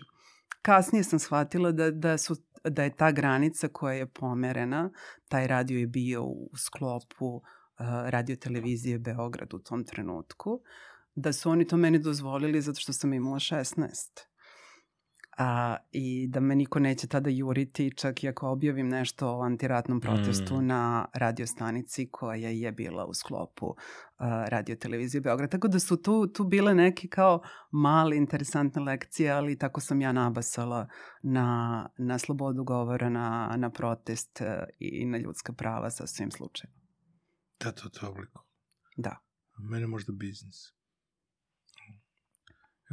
mi smo pravili prvu novinu u srednjoj školi, onda sam intervjuisao Branku Katić tako što sam zapisivao stvari, pošto me pitao i onda sam zapisivao, naravno ja jako sporo piše. onda se ona smorila jako. Da. I, ove, ovaj, i to je bilo ja, ja, jedan transfer neprijatnosti. A onda sam shvatio da to, ove, ovaj, da to ne može tako. Onda smo ove, ovaj, od prihoda od tih prvih novina smo kupili odmah diktofon da bismo mogli da snimamo razgovore. I onda sam drugi intervju snimao s Balaševićima, onda to ispalo kako treba. Da. Onda sam shvatio u stvari da možeš stalno praviš ciklus investicija da bi nešto unapredio, znaš. Dakle, da. I da, ako dovedeš dovoljno sponsora, možda budeš neutralan. da. Ono što mene interesovalo je šta si ti od svih tih ljudi sa kojima si uh, sarađivao i kroz konferenciju i kroz podcast. Šta si e, naučio, šta je ono što, što ti ostalo mm -hmm. i šta su, na primjer, stvari koje primenjuješ što svakodnevno, što kroz uh, uh, podcast koji radiš? Uf, uh, ma znaš kako ja... Za konferenciju mi je bilo važna promocija uh, promocija preduzetničko tehnološkog preduzetništva, da odavde može da se radi globalno, da postoje uspešne priče i sve to. I onda sam koristio njih kao bazu svog znanja i svojih resursa da bih prezentovao slučaj, kao prezent, znaš, da bi imao case da pričam o tome, evo, ovo su uspešni, mm -hmm, da, da, ovo su stvari koje su važne, ovako su krenuli, ovako su počeli i ostalo. Nisam nešto to koristio, možda eventualno nešto okvirno, mada su to bili početci kada smo radili Indie Voices, ali kao što vidiš, nisi došla u moj startup koji sad je vredan milijardu, da, ovaj, znaš, da sam baš nešto iskoristio u svom ličnom shvatio sam neke stvari važnost sistema i svega toga i kako su mm. svi ti neki super likovi i, ovaj, i uspeli da porastu Što se tog dela tiče, nisam ono kao nešto naučio prim, da, da ja mogu da primenim, ali sam gomilu tih nekih koncepata pričao i studentima na, na predavanjima i ostalo mm -hmm. i više mhm. sam koristio da upakujem tu jednu priču mm -hmm. koja je bila vezana za živi lokalno, radi globalno i to mi je bilo super. A isto tako ovde više volim da, uh, da pokupim vredne stvari koje bih mogao da citiram kasnije ljudima koji žele da rade na sebi, koji žele neku ono obrađenu, obrađeni deo podatak i svega toga. Uh, mnogo me inspirisala recimo Sonja na temu uh, kreiranja nekog svog programa edukacije i svega toga. Jako sam puno pričao sa ljudima koji imaju svoje neke edukativne mm. programe, tako da taj deo ovaj, me negde ovaj, uspevam da, da, da, da vidim obrise nekog programa koji bih ja možda voleo da pomognem ljudima, naravno što u domenu ličnog blendiranja. Mm -hmm. ovaj, kako bi to sad sve izgledalo, pa sad, šta znam, Sonja sa iz domena zajednice i svega toga, neki drugi ljudi u, smislu kreiranja sadržaja, naplate i svih ostalih ove stvari. A, jako sam puno radio sa sa ženama i primarno koje su napravile veliki sistem. Mm. koje su puno radile sa ljudima. Mislim da je to mnogo važno i imam neke sjajne, sjajne priče, a mislim da u tim međuljudskim odnosima žene dominiraju o tome kako su organizovali svoje timove, kako su radile sa, sa tim i tu ima jako puno učenja, jer mm. mislim da mi je neki sledeći korak da, da pravim neku svoju širu ekipu i neki svoj širi tim koji je sada suviše amorfan i distribuiran mm -hmm. u zavisnosti od projekta jer sad možemo se skupimo, znaš, kao što smo da, da. pravili razne stvari kao ja, može ovo se napravi, pa napravit ćemo, da, da, da, da, da, da. preko noći.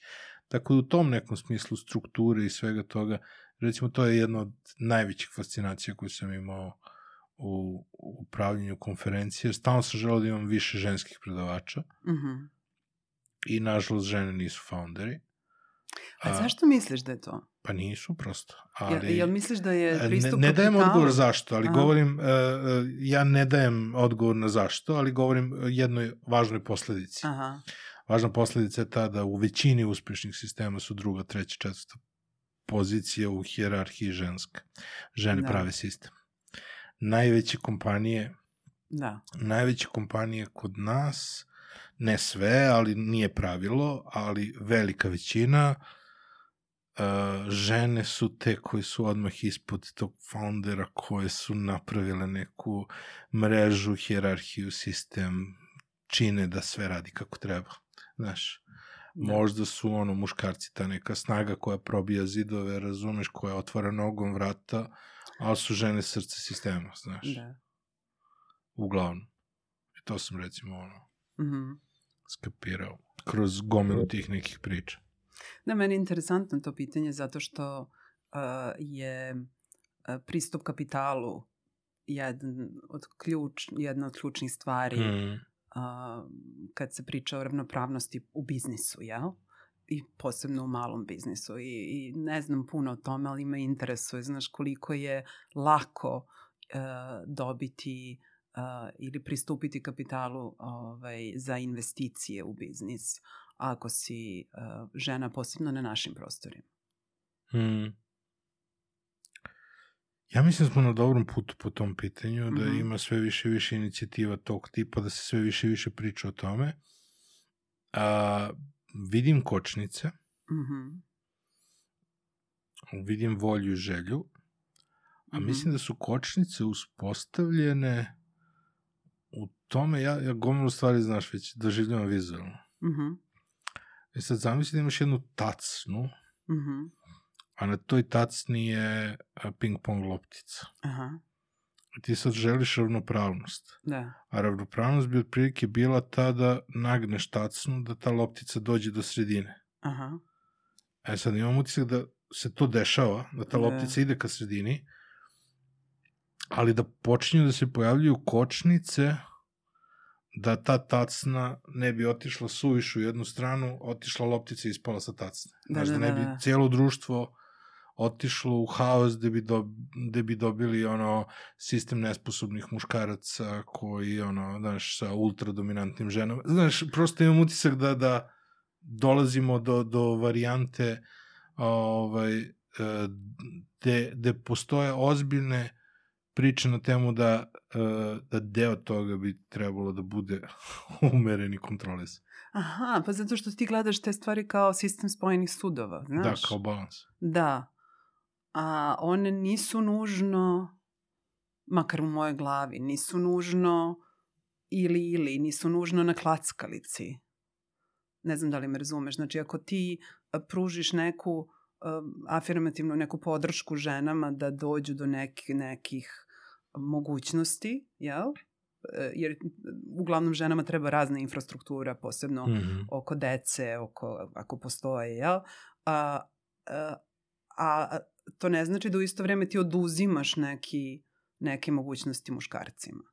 Ne mora da znači, jel? Ne mora da znači, to je... Ha, Možeš da, i njih da podržavaš da u isto totalni, vreme. Da je totalni disbalans, odavno bi se svi živi razvili na svetu, razumeš, tako da, znaš, nije, nije ni situacija da. toliko grozna koliko se često predstavlja da jeste, a jer jako mnogo ljudi živi u harmoničnim zajednicama koje da. funkcionišu prosto, jer postoji, znaš, ali je definitivno stvar da treba da se priča o tome, da treba mm. da se priča o neplaćenom radu žene, da treba da se priča o da. gomile nekih važnih tema, a da jednostavno ono, isto tako postoje i zajednice koje funkcionišu po sistemu, e, ja ću sada da zarađujem para, ti se brini da. o porodici. I ja uopšte ne govorim da to mora bude muškarac da. i žena, znači da može porodici se bavi muškarac i može žena ko ima više prilike. Ja mislim da je porodica tim i da taj da. tim treba da koristi priliku da, da, da. učini šta je najbolje za taj tim. Ima jedna nezgodacija koja se zove statistika. tu i sad sa tom ovaj, statističkom analizom kad ti malo gledaš brojke, to je još uvek... A kad gledaš da. brojke, onda dolaziš onoj moje priče o, st o statistici, da. razumeš i o brojima. Onda me da. pitaš zašto ja to gledam kao balans. da, mislim, da. Zato što kad prevedeš na nivo da, statistike, dođeš do, dođeš do tih nekih cifara i dođeš na ono, ne znam kako se zero sam, na primjer, prevodi na srpski. Da, nulta suma. Ja. Što ništa ne znači. a, a, da, da, da, samo po, po tom pitanju a, imaš, a, a, kad gledaš ove freelancere i mm -hmm. ove ljude koji su bili deo tvoje konferencije koji rade sa različitih strana sveta za neke kompanije koje se nalaze u drugim zemljama. A, moja organizacija je takva i mi stalno imamo problem tih ugovora i kako tretiramo ljude, kako poštujemo njihova prava, kako im obezbeđujemo da imaju zdravstveno osiguranje, mm -hmm. socijalno osiguranje, penzijono i tako dalje. I to je jako teško, jer ti možeš ili da ih zaposliš u zemlji gde je registrovana firma ili u zemlji gde su oni, ali onda tamo moraš da imaš neki pravni entitet koji će ih zaposliti, jel? Mm -hmm. I sada su počele se pojavljive agencije a, koje to mogu da urade za tebe. Znaš, kao agencija ima 100 entiteta registrovanih u raznim zemljama i onda ti napraviš s njima ugovor, oni zaposle nekoga... Što bi rekli, sve je od uvek postojalo. Da. E, to su bile kod nas omladinske zadruge. Tako je. Samo za neki drugi tip poslova. Za, jeste, ali ovo je, ovo je, možeš ti da imaš čak i ugovor na neodređeno mm. i tako dalje. Međutim, sve je u redu dok ne dođe do porodiljskog. Naravno. a, nekog bolovanja -hmm. I onda sve to postaje jako komplikovano. I to je ono kako ti onda da podržiš svoje zaposlene, kako da podržiš tim koji je uh, raspršen po kugli zemaljskoj i da im daš sva prava koje u stvari 20, 2023. treba da im pripadaju. Kako da podržiš, moj tim je uglavnom ženski i mlad, kako da podržim ja svoje koleginice da one mogu bez problema da planiraju porodicu, a da to negativno ne utiče na, na firmu. Jako je teško.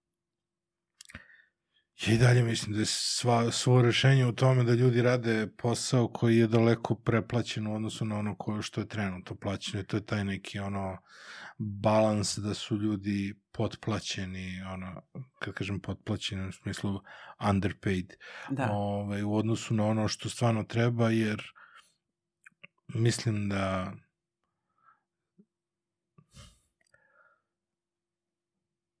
kada bi žena mogla da, da joj se obezbedi takva karijera da može da ostavi 2000 eura sa strane, 5 godina rada, posle mm -hmm. fakulteta, sa 10.000 eura sa strane može sebi da priušti godinu dana ono slobodnog da, da podigne decu. Razumeš da kada bi taj balans bio drugačiji finansijski, jer a, ljudi koji sa najvećom lakoćem trenutno planiraju porodice su ljudi koji su dobro finansijski obezbeđeni. Da. Znaš. Ali ti onda to ostavlja Jer ti dolaziš u situaciju da to je ta, to, to je ta situacija, pa paušalac preduzetnik u Srbiji da. ne sme se razboli. Da. Znaš? Da, da. 15. dolazi sledeći paušal na naplatu. Baš ih briga da li si ti radio ili nisi radio. Tako. Znaš, ovo tokom, i tokom COVID-a i svega ostalo, što je bio haos. Tako. Znaš, ti moraš u kontinuitetu. A ne samo to, nego ono što je mnogo važno, o čemu se često recimo ne priča, u našem u našem ovom sistemu, uh mhm. -huh. ajde, to funkcioniše na po nekoliko meseci, uh mhm. -huh. ali tebi može da se dogodi da si se razboleo, uh -huh. da mhm. si u problemu, da ne možeš da radiš, da ne možeš da naplatiš, da nemaš novca na računu trenutno uh -huh. i da ne platiš poreze, doprinose i zdravstveno, može da se desi, tako je napravljen sistem, da si 20 godina plaćao zdravstveno i da ne platiš i da si u dugu za jedan mesec i da ne možeš da produžiš knjižicu. Da li je to logično? Da. Mislim... Znači, mora bi da se, da ne govorimo onako, mora bi da se odjaviš, da se prijaviš na biro, znaš, da, da, da. da bi ostvario pravo na, na onaj besplatni da. deo, ali ti ako si preduzetnik u Srbiji, da. sad su to rešili sa tim što se ono kao knjižica produžava na neki da. duži period i onda, da. znaš, koliko toliko je taj deo u vezi, ali može da se desi u nesrećnom trenutku da jednostavno ti nisu plaćeni ti doprinosi za zdravstvo da. i da ovaj i da tebi treba u tom trenutku zdravstveno da ne možeš da ga ostvariš, a da si pre toga 20 godina plaćao. Jasno. Znaš. E pa to su ti mehanizmi koji... A ovo za da. žene da. tek je ludilo. Tako. Znači, žena, preduzetnica koja je recimo ono, osnivač svoje firme, da, da ode na, na, na porodiljsku, to je ludilo. Da, ja sam imala ugovor kada sam, kada sam se porodila i nastavila sam da radim od drugog meseca po rođenju svog sina. Mm. Jer nije sad, ja sam od onih privilegovanih osoba koja nije morala da, da brine o tome da li će imati, imala sam to sa strane da mogu da preživim, da nije problem. Mm. I promenila sam posao da bih mogla da imam dete. Znači, e, nisam mogla da radim, nije postojala mogućnost da ja kao freelancer ostanem mm. i imam godinu dana plaćeno da mogu da, da, da postane majka. Eto, to su te stvari koje, još sam ja bila u fenomenalnoj situaciji u odnosu na, na većinu ljudi koji, koji rade tako sa tim mm. nekim privremenim ugovorima koji prestaju da važe onog trenutka kad si ti na, na porodiljskom ili nekom dužem bolovanju. Evo sad, tu postoji druga, drugi deo priče koji sam takođe naučio iz podcasta. Ovaj, Porodilsko za drugo i za treće dete uh mhm. -huh. je najveći katalizator ženskog preduzetništva u Srbiji. A. Daročito za treće dete. Treći, treći, treće dete je obično onaj trenutak uh mhm. -huh. kada žena dobije najviše vremena porodilskog. Da. A, do tad je radila u nekom sistemu, ima neki ono soft skills, hard skills, a, neke veštine koje bi mogla da upotrebi, do, umeđu vremenu ima već neke ideje a, no, ima nekog posla, znači mm -hmm. nije to ono kao neko omladinsko preduzetništvo i ovo je ono, nego je da. iskusna žena. Treće dete je obično taj neki ono kao kep, da. gde i verovatno smatra da ne želi više dece da ima i sve ostalo. Ovaj, I onda je to obično katalizator kada ona shvati da ima troje dece, da želi da se brine o njima na način na koji podrazumeva da sama upravlja svojim vremenom. Mm i ima dve godine da to isplanira i da sprovede u delo plaća. Da. E sad to je ono kao... Da. Znaš, ono, čudne stvari rastu na čudnim mestima, znaš, i onda... To je interesantan interesant... case, to bi trebalo da istražiti. Jako je ozbiljna da. stvar. Jako je ozbiljna stvar i jako mnogo primjera ima tako. Da. Znači, taj trenutak je ono switch. Da. Lepo smo se isčaskali, sledeći put ćemo da imamo samo časkanje i tračanje. Da, kad, samo časkanje i tračanje, ništa teške. Bar jedno u godišnje. Da. Hvala ti puno. Hvala tebi. Hvala vam što ste gledali još jednu epizodu, još podcast 1. Izvinite što ovako nagli prekid. Izvinite što možda haotičan bilo, bilo snimanje ove epizode. Ja sam uživao u njoj jer Mira moja stvarno jedna od najboljih prijateljica, ali ovo 31. decembar, ovo je poslednja epizoda koju sam snimio u ovoj godini, a vi ćete ovu epizodu gledati kao prvu u sledećoj između svih svojih slojeva ruske salate, pečenja i čega god još u čemu ste uživali. Hvala vam što ste bili uz nas svo ovo vreme, hvala vam što ste gledali ovu epizodu, ostavite nam neki share, like, subscribe, poručite nas prijateljima, uh, ostavite neki komentar, uh, bar čestite novu godinu. I to bi bilo to za ovu godinu, za ovu epizodu. Uh, kao i uvek, vidimo se i gledamo se i slušamo se sledećeg četvrtka. Ćao, čao. Uh, pre bye bye treba da pozdravim naše sponzore, da. To je Beans Kafa, uz koju uvek razgovaram sa svojim gostima. E, hvala im što su bili uz nas. To je Skandinavijan Design Center u čim stolicama sedimo. Eto, to bi bilo to. Ćao, čao. Bye, bye.